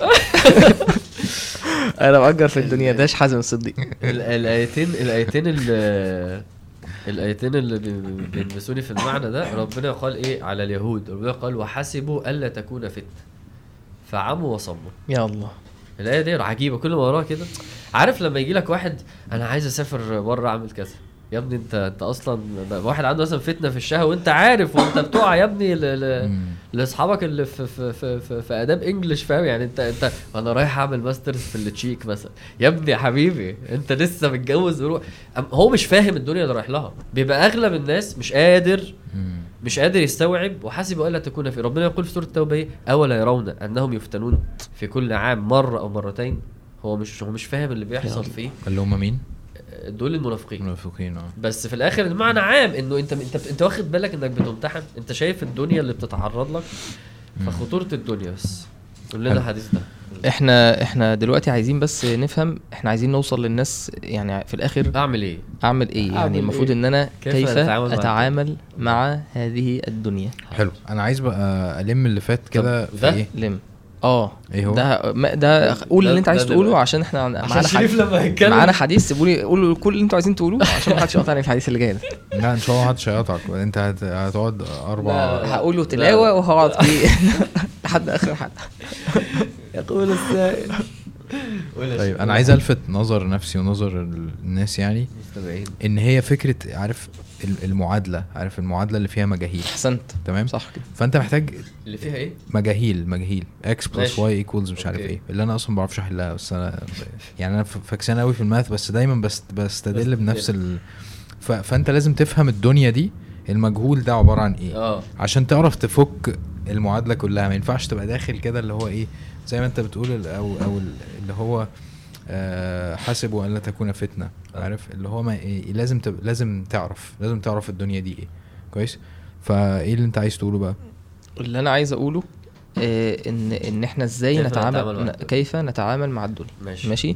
وبعدين بعدها هنتكلم عن فكرة إيه يعني إيه الزهد بقى. هو يعني كيف نتعامل مع الدنيا آه مفهوم الزهد. من أنا هقول الزهد. أنا هقول الجزء ده الحديث آه، ده ماشي. يعني هو حديث صراحة ده يعني آه، كان كان أنا فاكر إن إحنا زمان يعني أوائل آه، بدأت أحضر دروس وكده آه كنا مرة عند الشيخ أحمد جلال في في زمان قوي قوي يعني في جلسة في جلسة خاصة كده فالشيخ شرح لنا حديث حديث أول مرة أول مرة أسمع الحديث ده هو بالنسبة لي يعني مختلف. طيب. النبي عليه الصلاة والسلام قال حديث البخاري قال قال في البداية قال أن النبي صلى الله عليه وسلم جلس ذات يوم على المنبر وجلسنا حوله فقال إني مما أخاف عليكم من بعد ما يفتح عليكم من زهرة الدنيا وزينتها. فقال رجل يا رسول الله أو ياتي الخير بالشر؟ أو ياتي يعني إذا فتحت علينا الدنيا هو يرى إن ده إيه؟ خير. أو يأتي الخير بالشر؟ فسكت النبي صلى الله عليه وسلم. المهم إيه فرأينا أنه ينزل عليه ينزل عليه القرآن. فمسح عنه الرحضاء ال- ال- العرق يعني. فمسح عنه الرحضاء فقال أين السائل؟ وكأنه حمده يعني. النبي عليه الصلاة والسلام فرح بهذا السؤال. فقال أو خير هو؟ ثلاثا. يعني هو سأله أصلا خلينا بس نرجع إيه؟ آه. نرجع نرجع حتة ورا بس. هو بيقول هو الصحابي بيسأل بيقول أو يأتي الخير بالشر؟ فالنبي عليه الصلاة والسلام قال أو خير هو؟ أو خير هو؟ أو خير هو؟ يعني هل زهرة الدنيا ده أصلا خير؟ محض. ثم قال إن الخير لا يأتي إلا بالخير. أو قال إنه لا يأتي الخير بالشر. يعني الخير الخير ال- ال- ال- ال- المحض لا يأتي إلا بالخير. لو كان خير. لو كان خير. أوكي آه. ماشي. ماشي؟ وإن مما ينبت الربيع يقتل حبطا أو يلم. مما ينبت الربيع يعني الربيع إما مقصود به آه، فصل الربيع ماشي أو مقصود به المطر يعني أو مقصود به ال- مقصود بيه أقصد ال- الجدول الماء اللي هو بيبقى في عارف الأناة بتاعة الأرض الزراعية؟ بيبقى فيه زي ترعه صغيرة كده. ماشي؟ حوالين الترع دي بينبت آه، نباتات منها نباتات خضراء ومنها نباتات بتطلع كده لوحدها. ممكن تبقى إيه آه، فيها حاجات سامة فيها حاجات ضارة فيها حشائش. المهم إن بيبقى فيها حاجات كويسة وحاجات مش حلوة ماشي؟ فقال إن مما ينبت الربيع يقتل حبطا أو يلم. يعني بتيجي أحيانا تيجي الجاموسة يعني بقره تيجي إيه؟ بت- بتفضل تاكل من ال... من النبات اللي هو إيه؟ ده. اللي طلع ده. الحلو والوحش. تاكل تاكل تاكل تاكل لحد حبطا ده يعني يجي لها إيه؟ تخمة. انتفاخ. أو يلم يعني تقارب على الهلاك ماشي؟ قال استثنى نوع يعني في حد بيفضل ياكل ياكل ياكل لحد ما يحصل له الانتفاخ ده من من البهايم دي؟ في الدبة. يعرف الدبابة قال إلا آكلة الخضراء. يعني اولا هي عارفة هي بتاكل إيه؟ بتاكل الأخضر بس خضراء. آكلة الخضراء أكلت. حتى إذا امتدت خاصرته أو خاصرتا خاصرتاها استقبلت عين الشمس فثلطت وبالت ورتعت وإن هذا المال خضرة حلو. يعني إيه بقى؟ مم. إلا اكلات الخضراء هي بتاكل النبات الأخضر بس. كويس. كويس؟ الكويس بس. ماشي. آه. وبتاكل على قدها. حلو. يعني بتاكل القدر اللي إيه اللي يكفيها على قدها ما بتاكلش زيادة. آه. يعني بتاكلش لحد اللي ال- يملى اللي يملى بطنها بس. ال- ال- آه. اللي محتاجاه. ماشي. حتى إذا امتدت خاصرتاها يعني خلاص شبعت استقبلت عين الشمس. بدأت إيه؟ تلف تدي ظهرها للأكل. مم. يعني خد بالك الأكل ده فيه إشارة إن هي اولا كلت الدنيا بس كلت إيه؟ من حلال الأخضر. وكلت لحد ما إيه؟ الكفاية. القوت. اللي هو اجعل رزق آل محمد قوتا أيوة، ما تقولش ده دلوقتي. ماشي. فكلت إيه؟ الكفاية. هنيجي هنجيلها إن شاء الله. وادت ظهرها. وبعدين راحت لفة واستقبلت عين الشمس. دي فيها إشارة إن هي استمتعت بالدفء واستمتعت. يعني أحيانا واحد من كتر السعي والجري ورا الدنيا والحرص عليها هو نفسه نفس الشخص ما بيعرفش يستمتع بال- باللي هو بيجيبه باللي بيحصله. ما بيستمتعش بيه. فهي استقبلت عين الشمس و- فثلطت يعني إيه؟ إيه إيه إيه خرجت ال- الروث آه. بطريقة إيه؟ سلسة وبسيطة لأن هي كلت أصلا على قدها و- وبالت ورتعت وبعدين اجترت قلبت الأكل تاني اللي كان اللي متبقي فانتفعت تمام الانتفاع. طب معنى إن هي بالت و- وثلطت وكده والكلام ده؟ إن هي كلت خدت من حلال واحد خد ده بيتعامل إزاي مع الدنيا؟ آه. كل من حلال؟ ده الشيخ أحمد جلال ده. ماشي.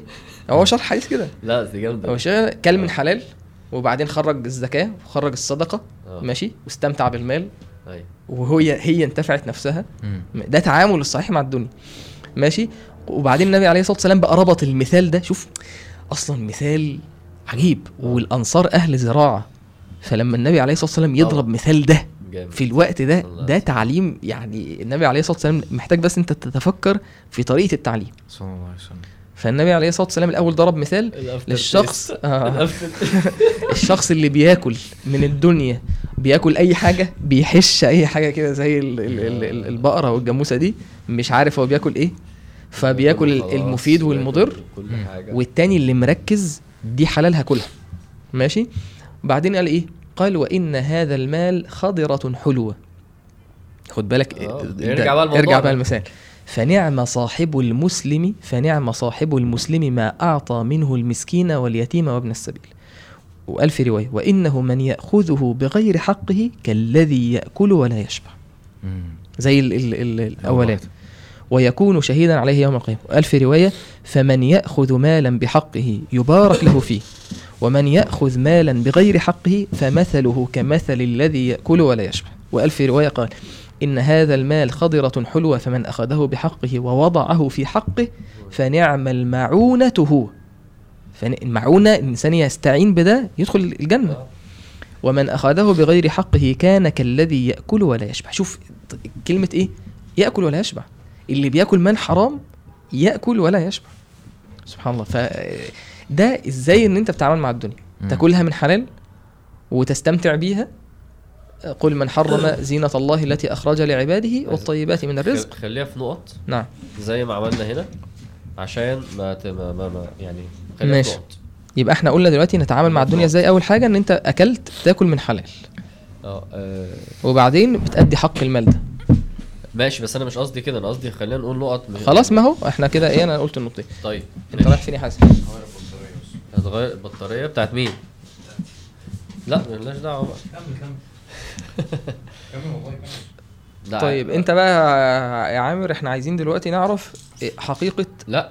الزهد. أنا عايز أكمل هنا. قول. طيب إحنا دلوقتي بنحط النقط إنه إيه كيف نتعامل مع الدنيا ماشي؟ مم. فأنت قلت من الحاجات المهمة أكل الحلال أو بمعنى أصح مش توازن مش مش الأكل بس يعني. يعني فكرة إن أنا لازم يبقى عندي معيار اسمه الشرع والحرام والحلال في اختياراتي في الدنيا. مم. ده مهم قوي زي ما انت قلت الراجل لما يجي يقول لك شوف لنا ده حرام ولا حلال ده ده لازم يتعمل. يعني ربنا يقول لك اتجوز وافرح بالجواز بس لازم أعرف الحرام والحلال في طريقة الجواز سواء في الخطوبة سواء في الفرح سواء في المكان اللي هروح فيه الهاني مون سواء لازم أبقى عارف إيه الحرام وإيه الحلال. فلازم يبقى عندي معيار الشرع اللي هو اللي انت قلتها دي. جميل. معيار الشرع واحد. معيار الشرع. ماشي. قولوا معايا أنا مش هقول كل حاجة. يعني أنا خلاص؟ بتعامل عش... عشان أتعامل مع الدنيا صح لازم أتعامل معاها بالطريقة اللي ربنا سبحانه وتعالى قال لي هتعامل بيها. صح. آه الش- الشرع بعد كده أشوف هعمل ولا لأ. ده لازم يبقى موجود. ماشي. آه رقم اتنين يعني، آه. أنا أنا آه آه، ب- يعني الحديث ال يعني ربنا النبي صلى الله عليه وسلم اللي هو الحديث اللي هو قاله. النبي صلى الله عليه وسلم بيدعي ربنا اللهم اجعل رزق آل محمد قوتا. يعني إيه؟ عجيب. يعني إديني اللي أنا محتاجه بس. أنا أنا الحديث ده ده أنا ما كنتش احب أقوله. يعني يعني أنا. يعني أنا كده طب ليه ما أنا عينيا زيغه فأنا عايز أكتر. بس النبي صلى الله عليه وسلم بيعلمك إنه خد من الدنيا اتبسط بالدنيا ما هو ده اللي يجمع ما بين ليه الصحابي كان النبي صلى الله عليه وسلم مثلا سيدنا سعد قال له إيه؟ لا الثلث ما تطلعش غير الثلث. وخلي ولادك يبقى معاهم ولن تذر إيه؟ آه إنك انتظر ورثتك ورثتك أغنياء. أغنياء. خي... آه أحسن من تتركهم عالة. يتكففون الناس. آه.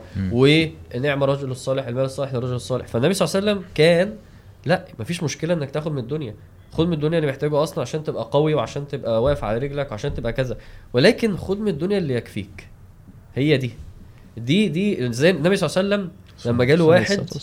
صلى الله عليه وسلم. جاله واحد فذبح شاه فقال له إيه؟ أما إني والله لم أذبحها لك. ماشي؟ أخش مع شريف. إيه ده إيه ده؟ بتعمل إيه يا ابني؟ بتاعت حازم آه أخش معاك حازم؟ أوه ده ده كاميرا كبيرة. النبي صلى الله عليه وسلم قال له أنا ما ذبحتهاش ليك. حضني كده لا مش مش بردان للدرجة دي. طيب. النبي صلى الله عليه وسلم قال أنا ما- ذبحتهاش ليك النبي صلى الله عليه وسلم كان عنده قاعدة إن أنا يبقى عندي 100 شاة إن أنا مجمع مثلا إيه فلوس معينة حاططها على جنب بقى عندي 100 شاة. لو لو في واحدة ولدت أذبح واحدة لأن مش محتاج أكتر من ده ال reserve مفيش مشكلة إن يبقى عندك reserve بس مش اللي هو أنا عايز أجمع فلوس آه، للزمن. طب يعني إيه للزمن؟ يعني عايز أقعد أجمع جاب مليون. عايز محتاج افرض احتاجنا تاني إيه ويقعد يجمع وده في مقابل إيه؟ في مقابل الوقت اللي هو ممكن يحفظ فيه قرآن ف... طب ما تاخد أنت محتاجه بس. القاعدة دي مهمة قوي إن أنت خذ من الدنيا ما يكفي خذ من الدنيا ما يكفيك. ده محتاج تمرين. ده ده اللي هي حتة اللي هي لفت كده. آه. سابت الأكل ولفت. آه خذ من الد... خذ من الدنيا. بس ما يكفيك. يعني ما ينفعش إن واحد يبقى بيقعد يلعب PlayStation سبع ساعات 10 ساعات في اليوم. لا العب PlayStation بس ما ينفع مش هينفع إنك تقعد طول اليوم تلعب PlayStation واحد طول اليوم بيتفرج على أفلام. واحد لو افترضنا يعني بيتفرج على أفلام كويسة. واحد طول اليوم بيقرأ قرآن. بلاش مثال الافلام بلاش. أنا قلت هزر القران أهو. شفت؟ أيوه. ليه ليه بقى؟ عشان أنت. كده بتتقل نفسك. يعني أنت بتملى قلبك بالدنيا. صح. وده, مظبوط. وده بيخليك تقيل أضعف. جدا في الطاعات أضعف وتتسحر أكتر. وبعدين هي مسألة وقت. يا تحطه في ال PlayStation يا تحطه في القرآن. هتجيب هتجيب بتاع 40 هم 24 ساعة. خذ من الدنيا ما يكفي واحد بينام مثلا 12 ساعة مثلا. 12 ساعة كتير. هو عارف إنه كتير وهو هتلاقي يا عم لا خليهم 10 مبدئيا. ده بجد. ده ده ده بنتكلم في المباح أصلا. فخذ من إحنا خلاص اتكلمنا في الشرع. فخذ من الدنيا واحد جاب عربية. خلاص. مش لازم أنا أعرف واحد. والله العظيم أعرف واحد معاه يعني معاه مرسيدس موديل 2020 وبيقول لي أنا عايز أغيرها. عايز عايز يجيب 21 إيه ده؟ إيه؟ مش هيخلص. الدنيا- معاك عربية. خلاص معاك عربية. التراب. أيوه آه بالظبط. بس نتعلم القاعدة دي. عشان لو أنا معايا اللي معايا ده حلو. آه اللي معايا ده كويس. آه. بلاش الت... هي دي لا تمدن عينيك. دي النصيحة الثالثه عشان أنا قلت اللي عندي الثلاثه اللي عندي. لا تمد بلاش مو- بلاش البحلقة. هي دي لا تمدن عينيك بلاش إنك تقعد تبص على اللبس وتلاقي الواحدة عمالة تقلب في الموضة عمالة ت... ماشي قلبي لما تبقى عايزة تشتري عمالين أو يا عم بتسالي نفسها بس أنت كده في sale. إيه؟ في sale. في sale. هو في sale من بلاد الذين في sale في عيد الأم وفي sale في ال Black Friday في sale عشان الصيف بيشتغلونا. تلاقي واحد عمال يقلب يقلب يقلب. ده ما هو ده مش ده آخره إيه؟ آخره هم وآخره فعل وآخره قرار وآخره ضعف يعني. هو إحنا لازم نعرف حاجات. نفسنا لازم نعرف نفسنا برضو في إن أنت فعلا لما بتبص على حاجة غيرك أنت بت... أنت بتتضايق فبتعرض نفسك لده ليه؟ آه. فاهم؟ في حتة ثانية برضو مش عارف آه، اصيغها إزاي بالظبط يعني. آه أنا نسيتها. ممكن تكملوا أنتوا وأنا كاتش اب يعني. ماشي. إيه يا شريف؟ أنا, عندي تاني. عندك إيه تاني؟ قول أنت. أقول أنا عادي. آه قول. من ال... من الحاجات الحلوة مم. إن الواحد يبقى دايما بي وده وده أنا بقول كلام نظري يعني للأسف إن هو أو كلما اشتهيت اشتريت. إن الواحد يبقى بيتعامل مع نفسه على إنه إيه؟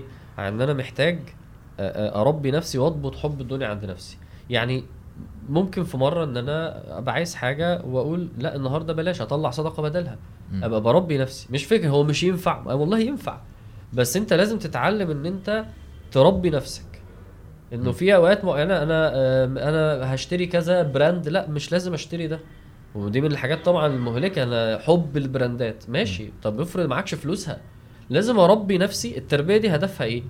هدفها ان أنا ابقى دايما محافظ على القوة اللي عندي لو أنا عايز في مرة اقف للدنيا. هي هي مش لذاتها. يعني مش م م مش اللي هو التقشف بتاع بقى الرهبان ويلبس مقطع ويع... لا هي ليها هدف. أنا النهارده مثلا هنزل أجيب آه،. مثلا ب 100 جنيه بدل ب 1000 جنيه عشان أقول لنفسي أنا لو عاوزت أجيب ب 100 جنيه بجيب. يعني لازم الواحد يبقى مت... يبقى هيبقى عارف إن هو أنا أقدر لو حصل يعني لو حصل لي ظروف في الفلوس لو حصل لي ظروف في الشغل أقدر في ناس ما بتقدرش. أنتوا فاهمين قصدي؟ في, نا... في ناس. بتنهار لو الدنيا راحت منها. أنا شايف من النقط برضو المهمة إن الواحد آه، يطبق الشرع في المال. يعني برضو فكرة الزكاة والصدقة والكلام ده. دي بت بتحسسك بقيمة إن هو مثلا أنت الزكاة أنت لازم تدفع آه. حاجة معينة من فلوسك. آه. وفي أنواع كتير من الزكاة آه، عروض التجارة ومش عارف إيه الكلام ده كله. ده بيرجعك تاني بي- بيحسسك إنه المال ده مش بتاعك وليه آه، تصريف معين. وبيفهمك قيمة الحاجات اللي صح. الحاجة, الحاجة اللي معاك و- وحجمها وكل الكلام ده. فدي كلها تمرينات برضو عن إن أنت تفكر نفسك بده. في بعد تاني برضو بس مش عارف دي تعتبر نقطة ولا اسمها إيه. ال ال أنا أنا أنا بلاقي إنه الواحد لو معود نفسه إن هو دايما آه، يحمد ربنا سبحانه وتعالى على النعم الصغير منها والكبير ايا كان هو إيه. جميل. ده دايما هيخليه آه، مستحضر النعم عامة آه، وهيخليه المفروض يعني نظريا يعني إن هو ربط الدنيا بربنا. ربط نعم ربنا ربط أنا كنت هقول عليها ربط الدنيا بالعبودية كمان. يعني دول نقطتين مم. يعني قريبين من بعض. أوكي إزاي؟ يعني أنا ربط الدنيا بالعبودية. سيدنا معاذ كان بيقول إني أحتسب نومتي. هو أصلا بيخش ينام مم. مش دنيا وخلاص. هو بيقول هو بيقول كده. دي حاجة عاجبه يعني أنا هخش أنام دلوقتي عشان مثلا أعرف أصحى أصلي الفجر. أنا هخش أنام عشان أريح جسمي عشان بكرة يبقى يوم جديد أعبد فيه ربنا. كلام عميق جدا. بيحتسب النوم. تخيل أنت بتاكل عشان جسمي يبقى قادر يصلي المغرب كده تخيل أنت قلت كده. يعني. ده level عالي قوي بقى. ربط الدنيا بالعبودية. اللي انت قلته ربط الدنيا ربط الدنيا أو بنعم الدنيا بربنا. ما دي ربنا اداني ده ربنا اداني دي. حاجات. تخليك آه، تشوفها على حقيقتها. تشوفها على حقيقتها. آه. بالظبط كده. أيوه صح. ربط الدنيا بالعبودية هي دي تحويل حتى المباحات. أنا بج... الج... ربط الجواز بربنا ربط الج... يعني على ده. جزء من الامتحان. تشوفها على حقيقتها وبت و... و... يعني أنت مثلا بتقول آه مثلا إيه اللي بيشتري عربية آه بيزهق منها على طول. آه. أنا عشان أنا مستحضر تماما نعمة ربنا عليا وان أنا فعلا ما استاهلش العربية اللي معايا دي ده أنا بحسه بيمد بيجدد آه. جدا. آه، ده اللي انت قصدك عليه. صح. جدا. صح. عارفين من الحاجات برضو اللي بتساعد الإنسان في التعامل مع الدنيا هو الدعاء. النبي عليه الصلاة والسلام حلو، لازم في. في في في حديث. كان سيدنا سعد رضي الله عنه بيعلم آه، بنيه هؤلاء الكلمات كما يعلم المعلم الغلمان الكتاب. البخاري حديث ده ويقول إن رسول الله صلى الله عليه وسلم كان يتعوذ منهن دبر الصلاة. اللهم إني أعوذ بك من الجبن وأعوذ بك أن أرد إلى أرض العمر وأعوذ بك من فتنة الدنيا. يعني أنت بت- بتلجأ لربنا سبحانه وتعالى وبتستجير بالله سبحانه وتعالى إن ربنا يصرف عنك فتنة الدنيا. صح صح. وأعوذ بك من فتنة الدنيا. يعني أنت ممكن تفتن. يعني مفيش حد أصلا كبير على الفتنة. ومهما كان ممكن واحد عالم. آه. زي قصة آه، بلعام. في سورة ال- الأعراف. آه. واتلو عليهم نبأ الذي آتيناه آياتنا فانسلخ منها فأتبعه الشيطان. ربنا قال ولو شئنا لرفعناه بها ولكنه أخلد إلى الأرض واتبع هواه. فممكن واحد ي... ي... والعياذ بالله ربنا يعافينا ممكن واحد يضحي بكل حاجة وعنده العلم وعنده الدين يضحي بكل ده علشان الدنيا. فالإنسان دايما يبقى مستشعر المعنى ده إن الدنيا شيء خطر وأنا بستعيذ بالله من شر الدنيا من فتنة الدنيا قال أعوذ بك من عذاب القبر. ب- يعني الحتة اللي كان عامر بيتكلم فيها مسألة آه، مسألة إن أنا إزاي بتعامل مع الدنيا وخد اللي اللي يكفيك وإنت فكرة ال- التوازن. من ال- من الحاجات اللي, اللي كان آه، عامر بيقولها في دعاء النبي عليه الصلاة والسلام في طلب إن- من ربنا سبحانه وتعالى إن الرزق يكون آه، قوته. اللهم اجعل آه. رزق آل محمد قوته. النبي عليه الصلاة والسلام في الدعاء ده هو مش عايز إن هو يتعلق بالدنيا. يعني كان حتى في الحديث النبي عليه الصلاة والسلام يقول لا لا تتخذوا الضيعة. ف آه. ف ف فتتعلقوا بالدنيا وفتحبوا الدنيا. يعني ده؟ ترغبوا في الدنيا عن الآخرة. يعني واحد عنده مثلا آه، عنده مزرعة. فهو هو النبي عليه الصلاة والسلام مش بيقول هنا نهي عن إن الإنسان ي- يعمل مزرعة أو إن هو يعمل مشروع أو كده لا. هو بيقول إن أنت ما ما أنت بتحلل المشروع؟ لا لا مش مش قصدي ده. لا لا لا. هو ال- الحديث النبي عليه الصلاة والسلام آه، كأنه بيقول لك ما يعني ما تتعرضش للدنيا ما تفتحش الدنيا عليك. آه يعني ما تفتحش ما. تفتحش أبواب ما أيوه قال لا تتخذوا الضيعة فترغبوا في الدنيا. يعني إيه؟ واحد مثلا يشتغل شغلانة طبيعة الشغلانة دي إن هي مش قصة القوت بقى وإن أنا عايز آكل لأ هي طبيعة الشغلانة إن هي محتاجة الإنسان موجه ليها بكل بكل الطاقات بتاعته. يعني مشغول مية في المية من طاقته عايش عشانها. فبالتالي هو بيرغب في الدنيا كل ما بيعمل يزين في البستان بتاعه والجنينة بتاعته والمشروع بتاعه كل ما المشروع بيكبر كل ما هو تعلقه بالدنيا بيزيد. كل ما رغبته في الدنيا بتزيد. فالنبي عليه الصلاة والسلام بيقول لو الدنيا هتعمل فيك كده. لأ وقف نفسك. يعني عادي إن أنا أختار اختيار معين في الشغل يديني مساحة إن أنا أعرف أعبد ربنا حلو. والحتة التانية اللي عامر بيقولها دي في غاية الأهمية إن أحيانا كتير من الناس ودي بتبقى مشكلة عند عند عند كتير من الشباب إن هو شايف هو فاهم إن إحنا كلامنا عن الدنيا معناه إن الشغل اللي أنا بشتغله ده حرام أو إن الشغل ده تضييع وقت ده ده ده ده مش مش آخرة ده أنا كده راغب في الدنيا أنا عشان أنا دلوقتي بنزل شغل وبروح من الساعة كذا ومش لاحق إن أنا أطلب علم ولا لاحق إن أنا أعبد ربنا ولا لا مش ده مقصود. مقصود إن أنت تبقى عبد لله تحقق العبودية. العبودية إن أنت تشتغل وتكسب من حلال. لأن أنت لو ما اشتغلتش وما ما تكسبتش من حلال هتمد إيدك للحرام أو هتبقى تمد إيدك للناس تسأل الناس وده مذموم والتاني ده حرام. فإن أنت تبقى بتاكل من حلال تعرف تعف نفسك تعرف تتجوز تفتح بيت تنفق على أهلك ودي كلها عبادة ده صدقة. طب أنت ده أنت كده بتعمل عبادة أنت كده في العبودية. لكن القصة اللي إحنا بنتكلم فيها إن الانسان يستغرق في ده. يبقى أنا عايش عشان الشغل. لا أنت مش عايش عشان الشغل. أنت عايش بتحقق العبودية. فالشغل جزء. لكن أنا محتاج يكون عندي وليه شروط وليه ضوابط ليه شروط وضوابط. وده إن شاء الله هنتكلم عنها بإذن الله. لكن أنا محتاج إن أنا أحط حاجة كل حاجة في حجمها أنا بشتغل بالظبط. أنا ما عنديش وبعبد ربنا أزمة- بصلي. أنا ما عنديش أزمة في ده يعني أنا أنا متخيل برضو إنه سهل إن آه. الواحد إيه يعرف يوزن ما بين إنه قشطة أنا بشتغل وبتعبد ومش عارف إيه أنا بص يا حازم أنا, في أنا عندي شباب أزمة في البعد بتاع آه. آه مثلا التمكين عارف اللي هو أنا المفروض إن أنا عايز آه أتمكن من الدنيا كمسلم فاهم. آه. ف ف ف فأنا أنا بلاقي أنت نفسي عايز ده ولا أنت شايف إن ده مطلوب منك أنت مش مطلوب منك كمسلم إن أنت تتمكن من الدنيا أنا يعني- بتكلم على يعني- التمكين عامة بس إحنا ماشي. إحنا هنا بنتكلم الت- التمكن قصدك إحنا كده دخلنا في جزئية الشغل بالذات صح؟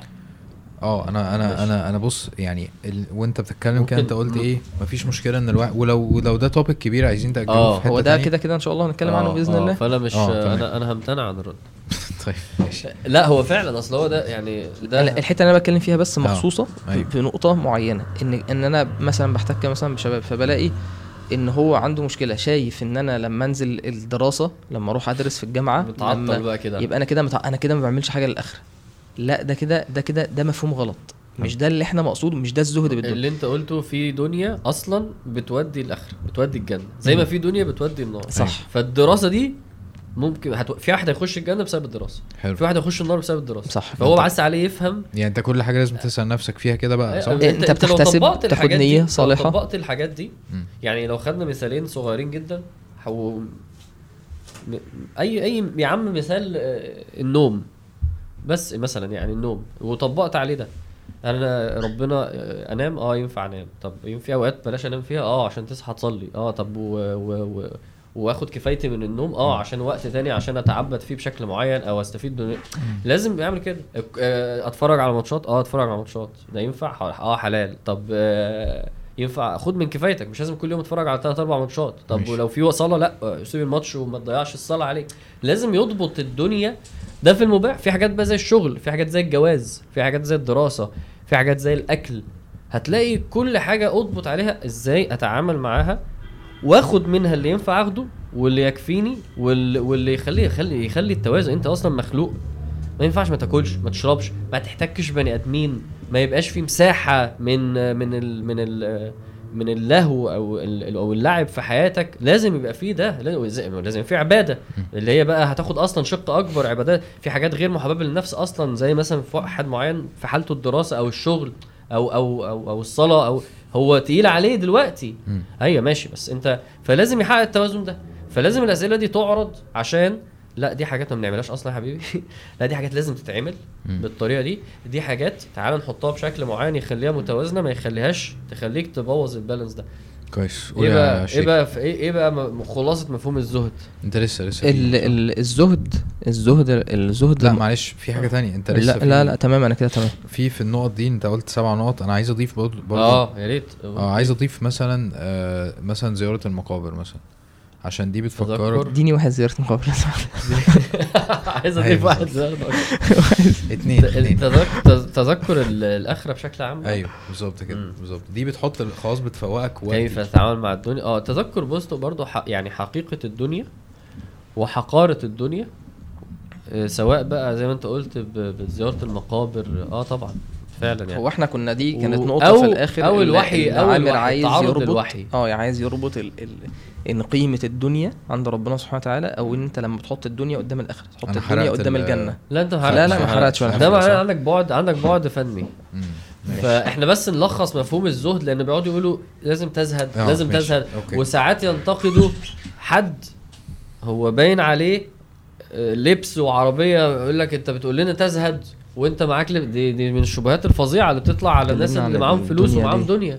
انت ده ده زاهد ده لابس براند ب 10000 يا عم اصبر بس مش يمكن أيوة، سيدنا أيوة. عثمان كان يبقى شكله كده دلوقتي يا شيخ انت جاي في. مرسيدس ساعات ساعات ده. آه آه فساعات شيوخ وغير شيوخ لأن هو معنى الزهد آه هو واصل لك على فكرة ممكن يبقى هو صح في حكمه على الشخص ده وممكن يبقى غلط فإيه هو معنى الزهد هو آه الإمام أحمد قال إن الزهد ترك الحرام ده مبدئيا أصلا يعني هو مبدئيا. الزهد أصلا أنت بس إحنا خلينا. نفصل أكتر يعني, يعني قول يعني ده. ده ده بداية يعني بداية إيه يعني بداية إن الإنسان بداية الزهد في الدنيا إن أنت هتزهد في ما هو لا هو قول الإمام أحمد مش مش قول قول عميق جدا أيوة في ناحية إيه قصدي كده قصدي لازم تفصل ناحية فيه. إيه؟ إن زي هو- تقي المحارم تكن عبد أيوه الناس. إن هو بيقول إن ال- الحاجات الحرام اللي في الدنيا دي من آه. الشهوات الدنيا آه فلو أنت زاهد في الدنيا أنت مش هتبقى عايز الحرام ده فاهم؟ يعني الزنا دي شهوة.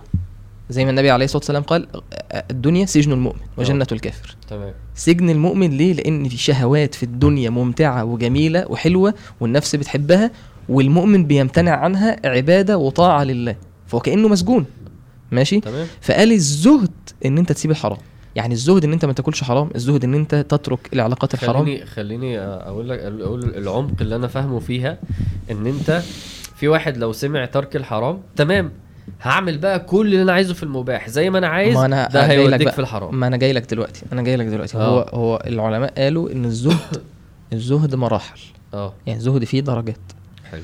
في في زهد اللي هو الأصل فيه أصل الزهد لو إحنا نقول كده أصل الزهد ترك الحرام.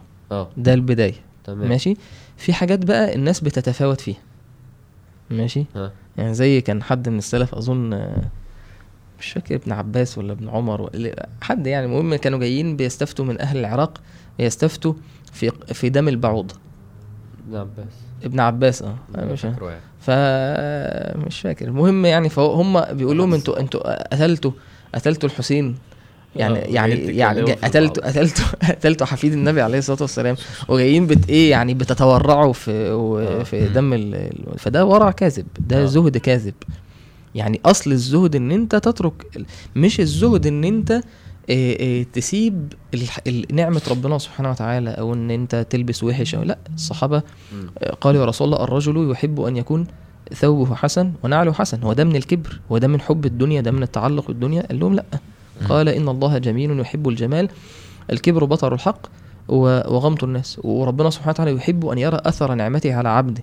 فلما انت تستعمل النعمة في الطاعة وتشكر ويظهر عليك أثر النعمة ده ده مش بالضرورة إن أنت متعلق بالدنيا. ممكن جميل. إنسان يكون في لابس أحسن لبس وراكب أحسن عربية وساكن في أحسن مسكن ومش متعلق بالدنيا.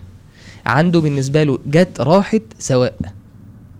سواء. مم. يعني يستوي عنده إن الدنيا دي كلها اتاخدت مني أو موجودة هو راضي مستسلم. وفي ناس لا يصلحها إلا الغنى وناس لا يصلحها إلا الفقر. يعني ربنا سبحانه وتعالى يوسع على الناس ويضيق على الناس لحكمة ورحمة إن فلان ده لو افتقر م- مش مش هي مش هيعرف يحقق العبودية المهم بس إنه ده أصلا حديث قدسي يعني لما ده بيبقى حديث لما بيوصل الناس ده حديث قدسي بتفرق جدا.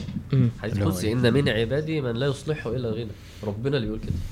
تفرق قوي لو رب لو تعرف ان ده حديث قدسي حلو قوي عشان أنا كنت وأنت آه. بتتكلم أنا كنت آه. قاعد بقول اللي هو إيه أنا ما أعرفش هو صحيح الحديث ده صحيح ولا لأ بس آه، يعني ممكن آه، عيب يا شيخ لا هو أنا مش مش حد مع الشيخ الالباني يعني صح يعني صح عارف؟ لا لا ف... لا لكن اللي أنا اللي أنا. عارفه إن كان حد من السلف بيدعي كده يعني بيقول يا رب إن. أنا لا يصلحني إلا الغنى ولا أصلح إلا أنا قصدي مثلا في واحد صاحبنا مثلا آه لا هو لا لا وفي حديث تاني هو- هو بيحب- هو آه، استنى هو بي آه آه، تقول أنت طيب لا هكمل الحديث يعني. طب أنا كنت عايز أكمل الفكرة. آه آه. ماشي بس أصل ربنا أنا يسامحك. خلاص خلاص عشان هو أصلا يسامحك. عادي أصلا عادي. لا إله إلا الله لا إله إلا الله خلاص. ضعيف؟ لا مش ضعيف بس ماشي.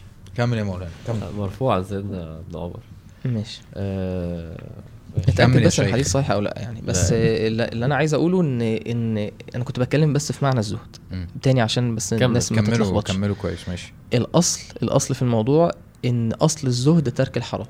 جميل جدا. وبعدين الناس بتتفاوت في الزهد. مش شرط إن الإنسان عشان يستمتع بنعم الدنيا لو لابس كويس أو راكب كويس أو ساكن في مكان كويس إن معنى كده إن هو مش زاهد في الدنيا. إن الزهد بالنسبة له إن الدنيا جت أو راحت هو راضي بقضاء الله.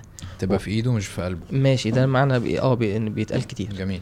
ماشي؟ لكن الإنسان محتاج يتحقق بالمعاني دي يفهمها كويس. صح صح صح ماشي. صح, صح. إن ربنا سبحانه وتعالى قدر عليه إن الدنيا اتخذت منه فهو راضي مستسلم. وربنا وسع عليه في الدنيا فهو شاكر مم. لله سبحانه وتعالى. ده ده أصل الزهد. ليه؟ ل- إيه- إيه- زي ما كنا بنقول إن أحيانا أو من رحمة ربنا سبحانه وتعالى بالإنسان إن ربنا يوسع على, على الإنسان ده. لأن هو يكون غني شاكر فيستعمل النعمة في الطاعة فيرفع في الدرجات. وإن ده لو لو قدر عليه الفقر والضيق إن هو لا يصبر على ده. فده من رحمة ربنا ومن حكمة ربنا سبحانه وتعالى. واحد تاني لا يصلح ليه إلا الفقر. لأن هو لو لو وسع عليه في الدنيا لو لما لما أصحاب آه، آه، موسى شافوا قارون خرج فخرج على قومه في زينته قال الذين يريدون الحياة الدنيا يا ليت لنا مثل ما أوتي قارون. ربنا قال بعدها إيه؟ قال قالوا لولا أمن الله علينا لخسف بنا يعني لو كان ربنا سبحانه وتعالى استجاب الدعاء وادانا زي ما كان قارون ده كان هيبقى سبب في هلاكنا. لأن كان سبب هلاك قارون وطغيانه ال- المال. وآتيناه من الكنوز ما إن مفاتحه فأحيانا ابقى أنا فاهم ممكن واحد يبقى فقير جدا ومش لاقي ياكل ويبقى قلبه مليان حب للدنيا متعلق بالدنيا. وهيموت عليها ماشي عاقل مستكبر فقير ومستكبر. وواحد تاني يبقى في في قمة الغنى ولكن هو الدنيا ما تساويش عنده حاجة. فالزهد في درجة اللي هي الأولى ترك الحرام. الحاجة التانية هي الحتة العامر اللي كان بيتكلم فيها ودي نقطة مهمة إن في مساحات أنت لازم تربي نفسك إن أنت تسيبها. إن إن أنا والله ممكن أشتغل شغلانة والشغلانة دي هت هتفرغ لي وقت مثلا كذا. وشغلانة تانية هتديني مرتب أكتر ولكن مش هيبقى عندي أي وقت إن أنا مثلا أقرأ قرآن أو إن أنا أتعلم علم أو إن أنا أعمل أي حاجة جنب الشغل. هنا في مساحات بتظهر للزهد. يعني ما تقولوش إن لا أنت واجب عليك انت تعمل كذا لكن لا في واحد يقول لا أنا ما فيش مشكلة هقبل الشغلانة دي. ومش لازم إن أنا أركب عربية كذا بس في المقابل إن أنا أبقى قاعد هادي وبعرف أصلي صلاة الخمسة في المسجد مثلا يعني. حلو.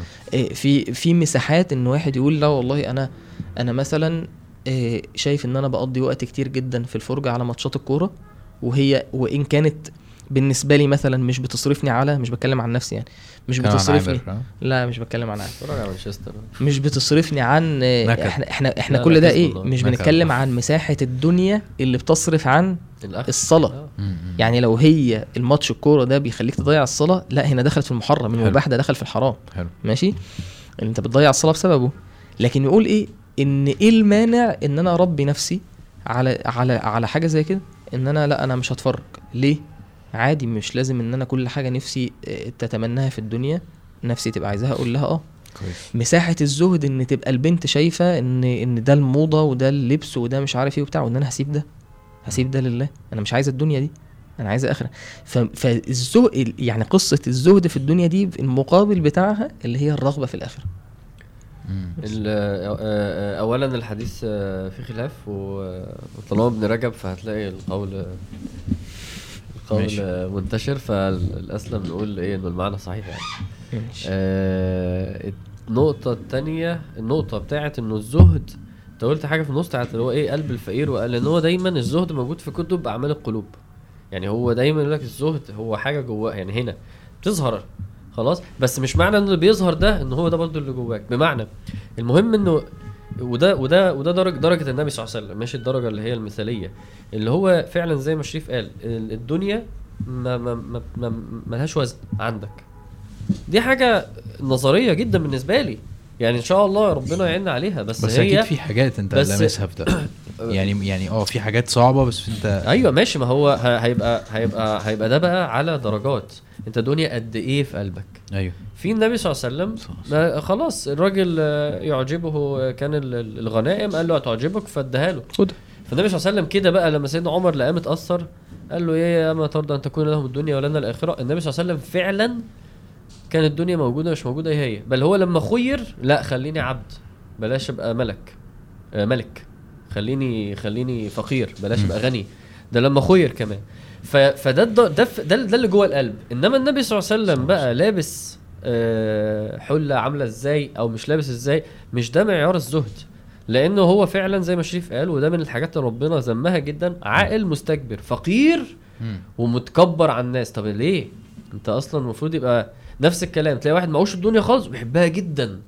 و... فبالتالي معيار الزهد إنه قلبك عامل إزاي اتجاه الدنيا دي عشان اللي عايز يسأل نفسه في حديث آه،. كان النبي صلى الله عليه وسلم آه، جات له جات له آه، آه، حاجة زي. عباية أو حاجة زي. كده آه كانت كانت لونها أحمر ومش عارف إيه وكان شكلها حلو جدا والصحابة كانوا آه، معجبين جدا بيها آه. وقاعدين يلفوا حوالين النبي صلى الله عليه وسلم وهو هو كانش واخد باله بعد كده انتبه اللي هو هي دي عجباكوا فأنا مش طبعا مش قايل الألفاظ زي ما هي آه بس ال ال ال اللي هو قاله ها. آه والله لمنديله مناديل سعد, سعد سعد. بن معاذ سعد بن معاذ في الجنة آه. فاللي أحسن هو منها. أحسن حاجة في الدنيا منديل منديل ف... فممكن نضيف عن... على النقط برضو اللي إحنا بنقولها دي فكرة إن الواحد آه، يعرف عن جنة؟ الجنة امم يعرف عن الجنة. كان كان الحديث حاجة شبه ده إن إن النبي عليه الصلاة والسلام واحدة يعني خيطت له آه، ثوب وكان النبي عليه الصلاة والسلام لابس الثوب محتاجا له. فواحد شافه فقال يا رسول الله آه، اكسونيها ما أحسنها. النبي عليه الصلاة والسلام دخل آه، قال نعم. فدخل خلعه وراح مديها له. فالصحابة قالوا له يعني يعني النبي عليه الصلاة والسلام. النبي عليه الصلاة والسلام مش هيرد حد وهو لابسها محتاجا. فقال لهم إن أنا كنت عايزها عشان تبقى كفني يعني مم. سألت عشان تبقى كفني شاهد إن ده زهد النبي عليه الصلاة والسلام لما لما. لما كان آه، سيدنا عبد الله بن عمر قال سيدنا عبد الله بن مسعود قال نام رسول الله صلى الله عليه وسلم على حصير فقام وقد أثر في جنبه فقلنا يا رسول الله لو اتخذنا لك وطاء فقال ما لي وللدنيا ما أنا في الدنيا إلا كراكب استظل تحت شجرة ثم راح وتركه. حديث حديث عجيب قرأته. بيأثر فيا قوي الحديث ده في, الصراحة. في آه في صحيح مسلم. آه النبي عليه الصلاة والسلام دخل البيت ع- فقال كا- كان لنا قالت عائشة كان لنا ستر فيه تمثال طائر وكان الداخل إذا دخل استقبله فقال لي رسول الله صلى الله عليه وسلم حولي هذا فإني كلما دخلت فرأيته ذكرت الدنيا آه، آه، آه، يعني إيه. حسيت كده إن النبي عليه الصلاة والسلام من الحديث ده هو بعد كده في نهي إن يبقى في حاجة فيها تصاوير والنبي عليه الصلاة والسلام آه، وجد إن آه، وقطعها فقالوا إن الحديث ده منسوخ بحاجة ال- اللي بعدها يعني لكن هي حتة إيه الزينة يعني إن النبي عليه الصلاة والسلام قال لها ده أنا مش عايز حاجة إن هي تحسسني إيه بزخرفة الدنيا وزينة آه. الدنيا ما تفكرنيش بالدنيا. فده معنى ممكن النبي عليه الصلاة والسلام وده عشان تعرف حقيقة الزهد. شوف سنة النبي سيرة النبي. هو كان مثلا يخرج مع سيدنا أبو بكر وعمر في حديث ولما الراجل جاب لهم تمر وشربوا مية وأكلوا التمر وأ- وبعدين راح ذبح لهم. قال إياك والحلوب وشوالهم وأكلوا. والنبي عليه الصلاة والسلام بعد لما أكلوا واتبسطوا تمام؟ قال لهم هتسألوا الذي نفسي بيده لا تسالون يوم القيامة عن هذا النعيم أخرجكم من بيوتكم الجوع ثم لم ترجعوا حتى أصابكم هذا النعيم. ف... ف... فالنبي عليه الصلاة والسلام عادي أكل واستمتع بالأكل ده وقال لنا إحنا نسأل يوم القيامة هن- هنشكر النعمة دي أو لا. فالنبي عليه الصلاة والسلام كان بيلبس أحسن لبس وكان آه، بيتزوج النساء. وكان بيستمتع بالصحبة مع أصحابه وكان بي بيست بيستعمل الطيب ويرى ال ال أثر الطيب في مفرق رأسه عليه الصلاة والسلام وهو محرم. والصحابة كان يصفوا جمال النبي عليه الصلاة والسلام فده كله لا ينافي الزهد. أنا بالظبط. أنا لما قلت اولا عشان الواحد يقيس على نفسه الزهد الدنيا في قلبك عاملة إزاي؟ لأن مش معنى إن أنت معكش دنيا إن أنت زاهد. ونفس الكلام ما تقيمش اللي قدامك بمعاه دنيا ولا لأ. لأن لو عملت كده يبقى سيدنا عثمان مش زاهد. وسيدنا عبد الرحمن بن عوف مش زاهد. يبقى أنت اللي برضه مش فاهم يعني إيه زهد. صح. آه، ولكن ولكن الظاهر ليه برضه ليه اعتبارات. يعني ما يبقاش واحد عنده مثلا 20 عربية وتقول لي لا ما ممكن يبقى زاهد. لأنه الإسراف ظاهر معروف. واحد يبقى عامل آه، فرح وعزومة وعارف الكبسة اللي هي فاهم تبقى قد الميدان دي وجايب الناس وكده. لا ما هو الزهد ليه امارات بس مش اللي إحنا بنحكم بيها. إحنا بنحكم بنوع العربية. إحنا عايزين دايما إنه زي ما أنت قلت مثلا الشيخ ده يبقى راكب عربية بتمشيش عشان يبقى زاهد. لا عادي ممكن يبقى وبعدين أنت مش فاهم. آه والله في ناس فعلا عايزة الناس تبقى كان واحد ودي وربنا يقول- كومنت كده. يقول ور- أنت أنت أنت إزاي بتتكلم في الدين هو ده. الزهد. ولا وراكب عربية. على النفس يا جماعة. آه. أصلا. يعني راكب عربية وبتكلمنا في الدين إزاي؟ أيوه عشان ال- النفس بتميل لده. ربنا قال ورهبانية ابتدعوها. يعني فكرة إنه التقشف وال طب هم ليه ليه ابتدعوا الكلام ده؟ سواء في في في, في, في, في عندنا ناس حتى في, في الإسلام أو في الأديان التانية. لأن الن- الن- النفس بتميل لإنه ترك الدنيا. إحنا ده بنقوله. إحنا بنقول سيب الدنيا ومش عارف. فبس مش ترك الدنيا بالكلية. طيب التوازن أنا- مهم. أنا أنا بس في الحتة اللي أنا نفسي أتكلم فيها بس أنا مش عارف فعلا هنبقى قادرين على ده دلوقتي ولا لأ. لا. آه هي هي فكرة ال- التوازن. يعني أنا فعلا بجد صعوبة في إن أنا خلاص قشطة أنا مش هنافس في الدنيا.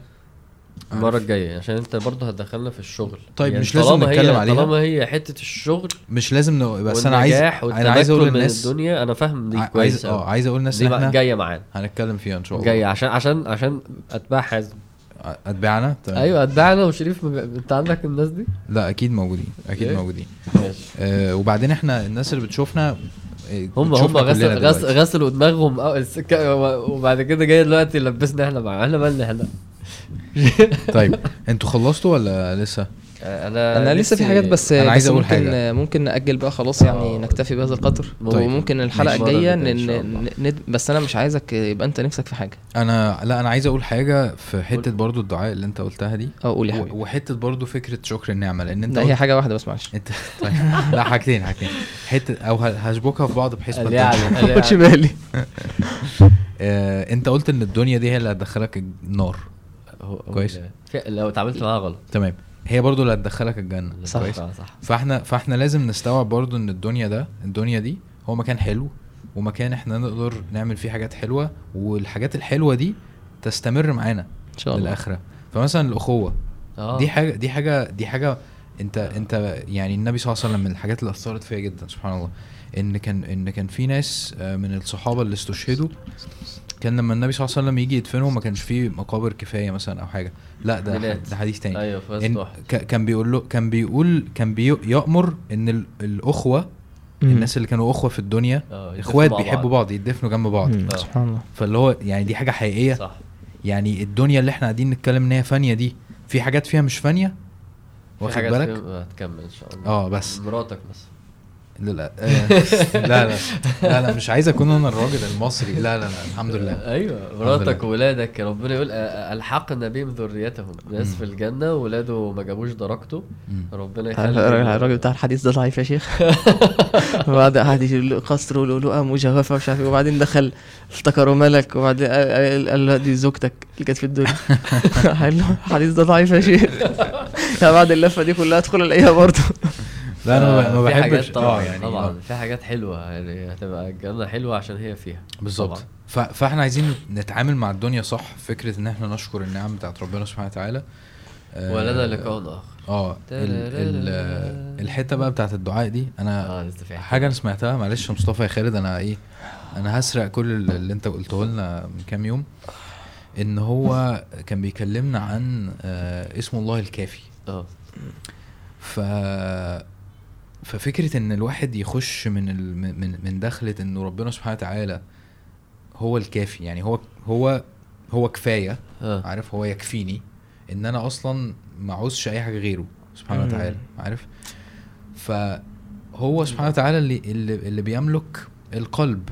وهو اللي بيملك إن هو مثلا أنا عايز شهرة عايز دنيا حتى لو أنا عايزها. آه. حتى لو أنا مفتون بده هو سبحانه وتعالى هو اللي يملك إن. هو يكفيني ويغنيني. الله. عارف؟ فالدعاء إن إحنا ندعي ربنا من المنطلق ده إن هو يا رب أنا في- بحلالك عن حرام. كده. بفضلك عن من سواك بالظبط كده. اللهم اغنني بحلالك عن عن حرام. حرامك. مم. وبفضلك عن من سواك بس.